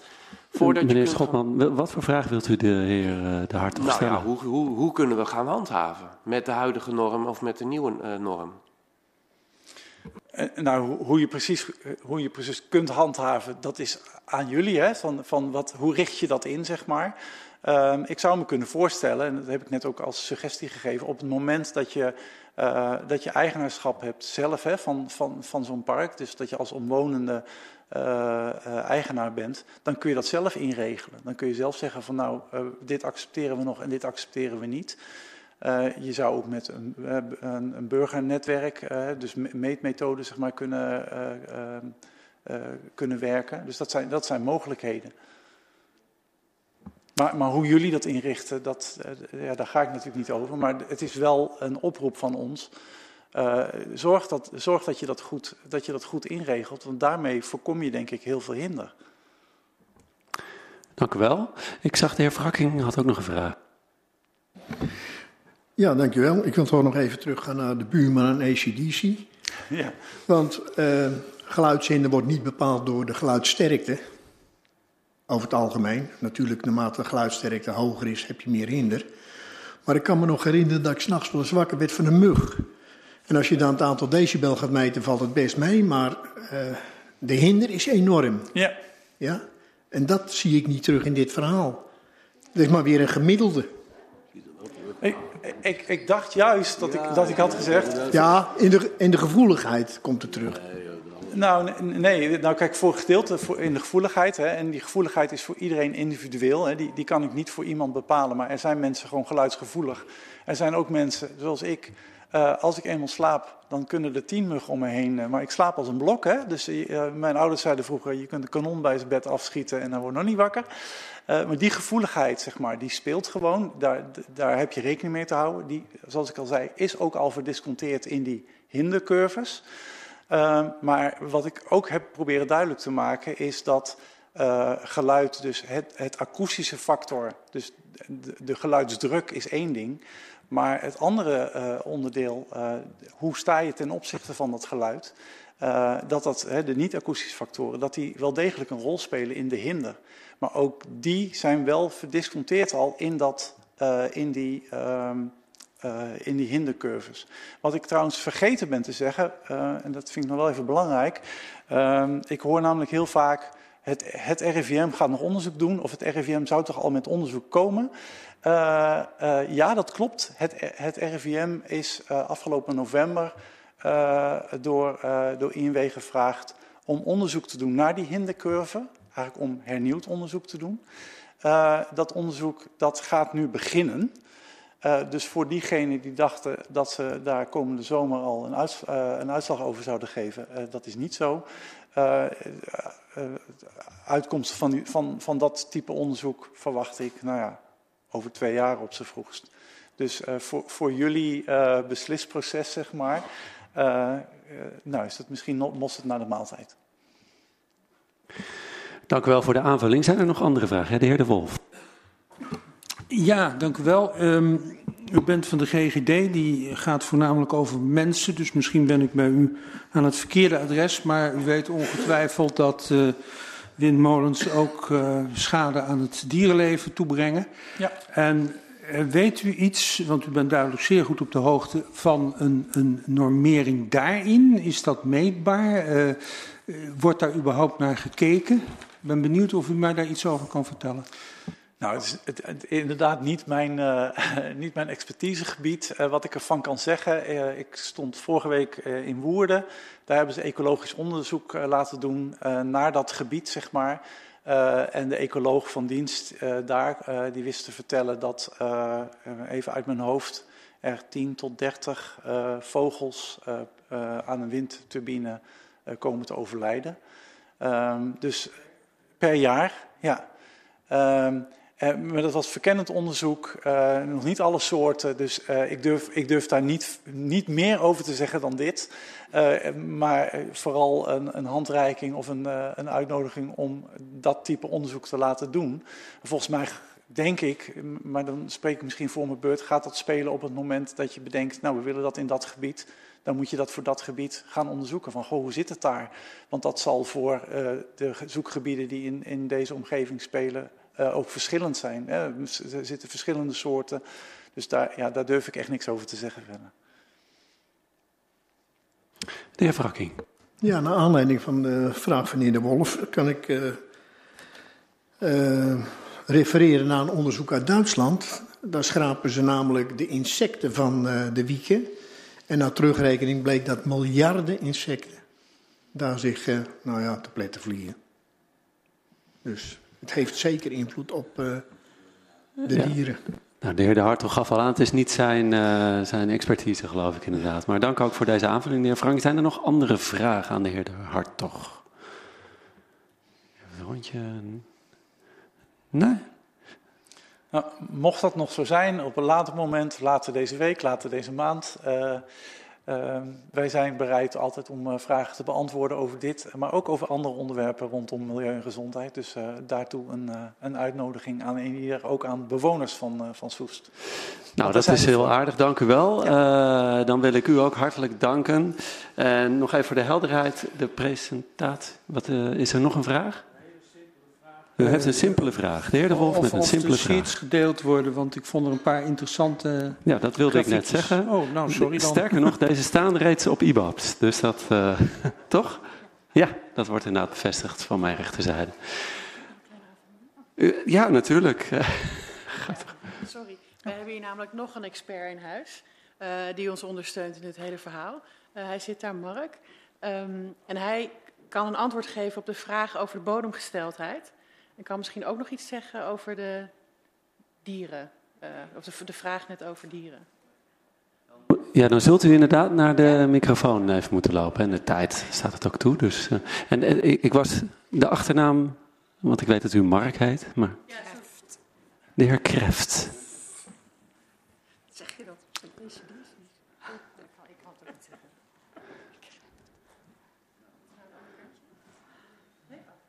zeggen. Gaat uw gang. Ja, goedenavond, dank voor deze gelegenheid. Mijn naam is Mark Kreft, ik ben van het ingenieursbureau Arcades, uh, adviseur voor de gemeente Soest. Um, uh, expert op gebied van ontwikkeling van windparken en als zodanig de heer De Wolf die vroeg iets over bodemgesteldheid en trillingen als gevolg van de turbine. Dat klopt. De turbinemasten zijn echter wel zo gebouwd dat die trillingen opvangen. Op het moment dat er maar geringste trilling is, dan doet dat wat met de levensduur van de turbines. Dus de fabrikant is er ook... Uh, heeft een belang bij om de, eigenlijk die trillingen te minimaliseren. In verschillende milieueffectrapportages uh, wordt duidelijk dat trillingen zich niet veel verder uitstrekken dan ongeveer 150 meter vanaf de fundering.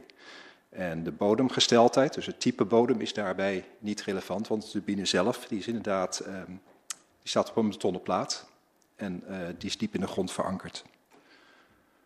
Um, dat wat betreft bodemgesteldheid. Wat betreft dieren is misschien goed om op te merken dat er geen geluidsnormen zijn voor dieren. Dieren worden beschermd door de wet natuurbeheer. Daar geeft de provincie altijd een vergunning voor af. Wat betreft vogelslachtoffers, ja, die zijn er wel. Vogels kunnen zich inderdaad te pletten vliegen.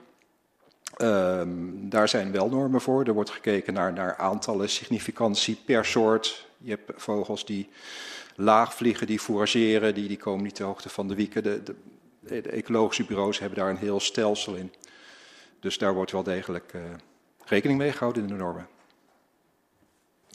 U heeft nog een vervolgvraag. Uh, ja, want uh, inderdaad, wat de heer Frakking opmerkte over de insecten, dat heb ik ook ergens gelezen. Dat schijnt ook fors te zijn.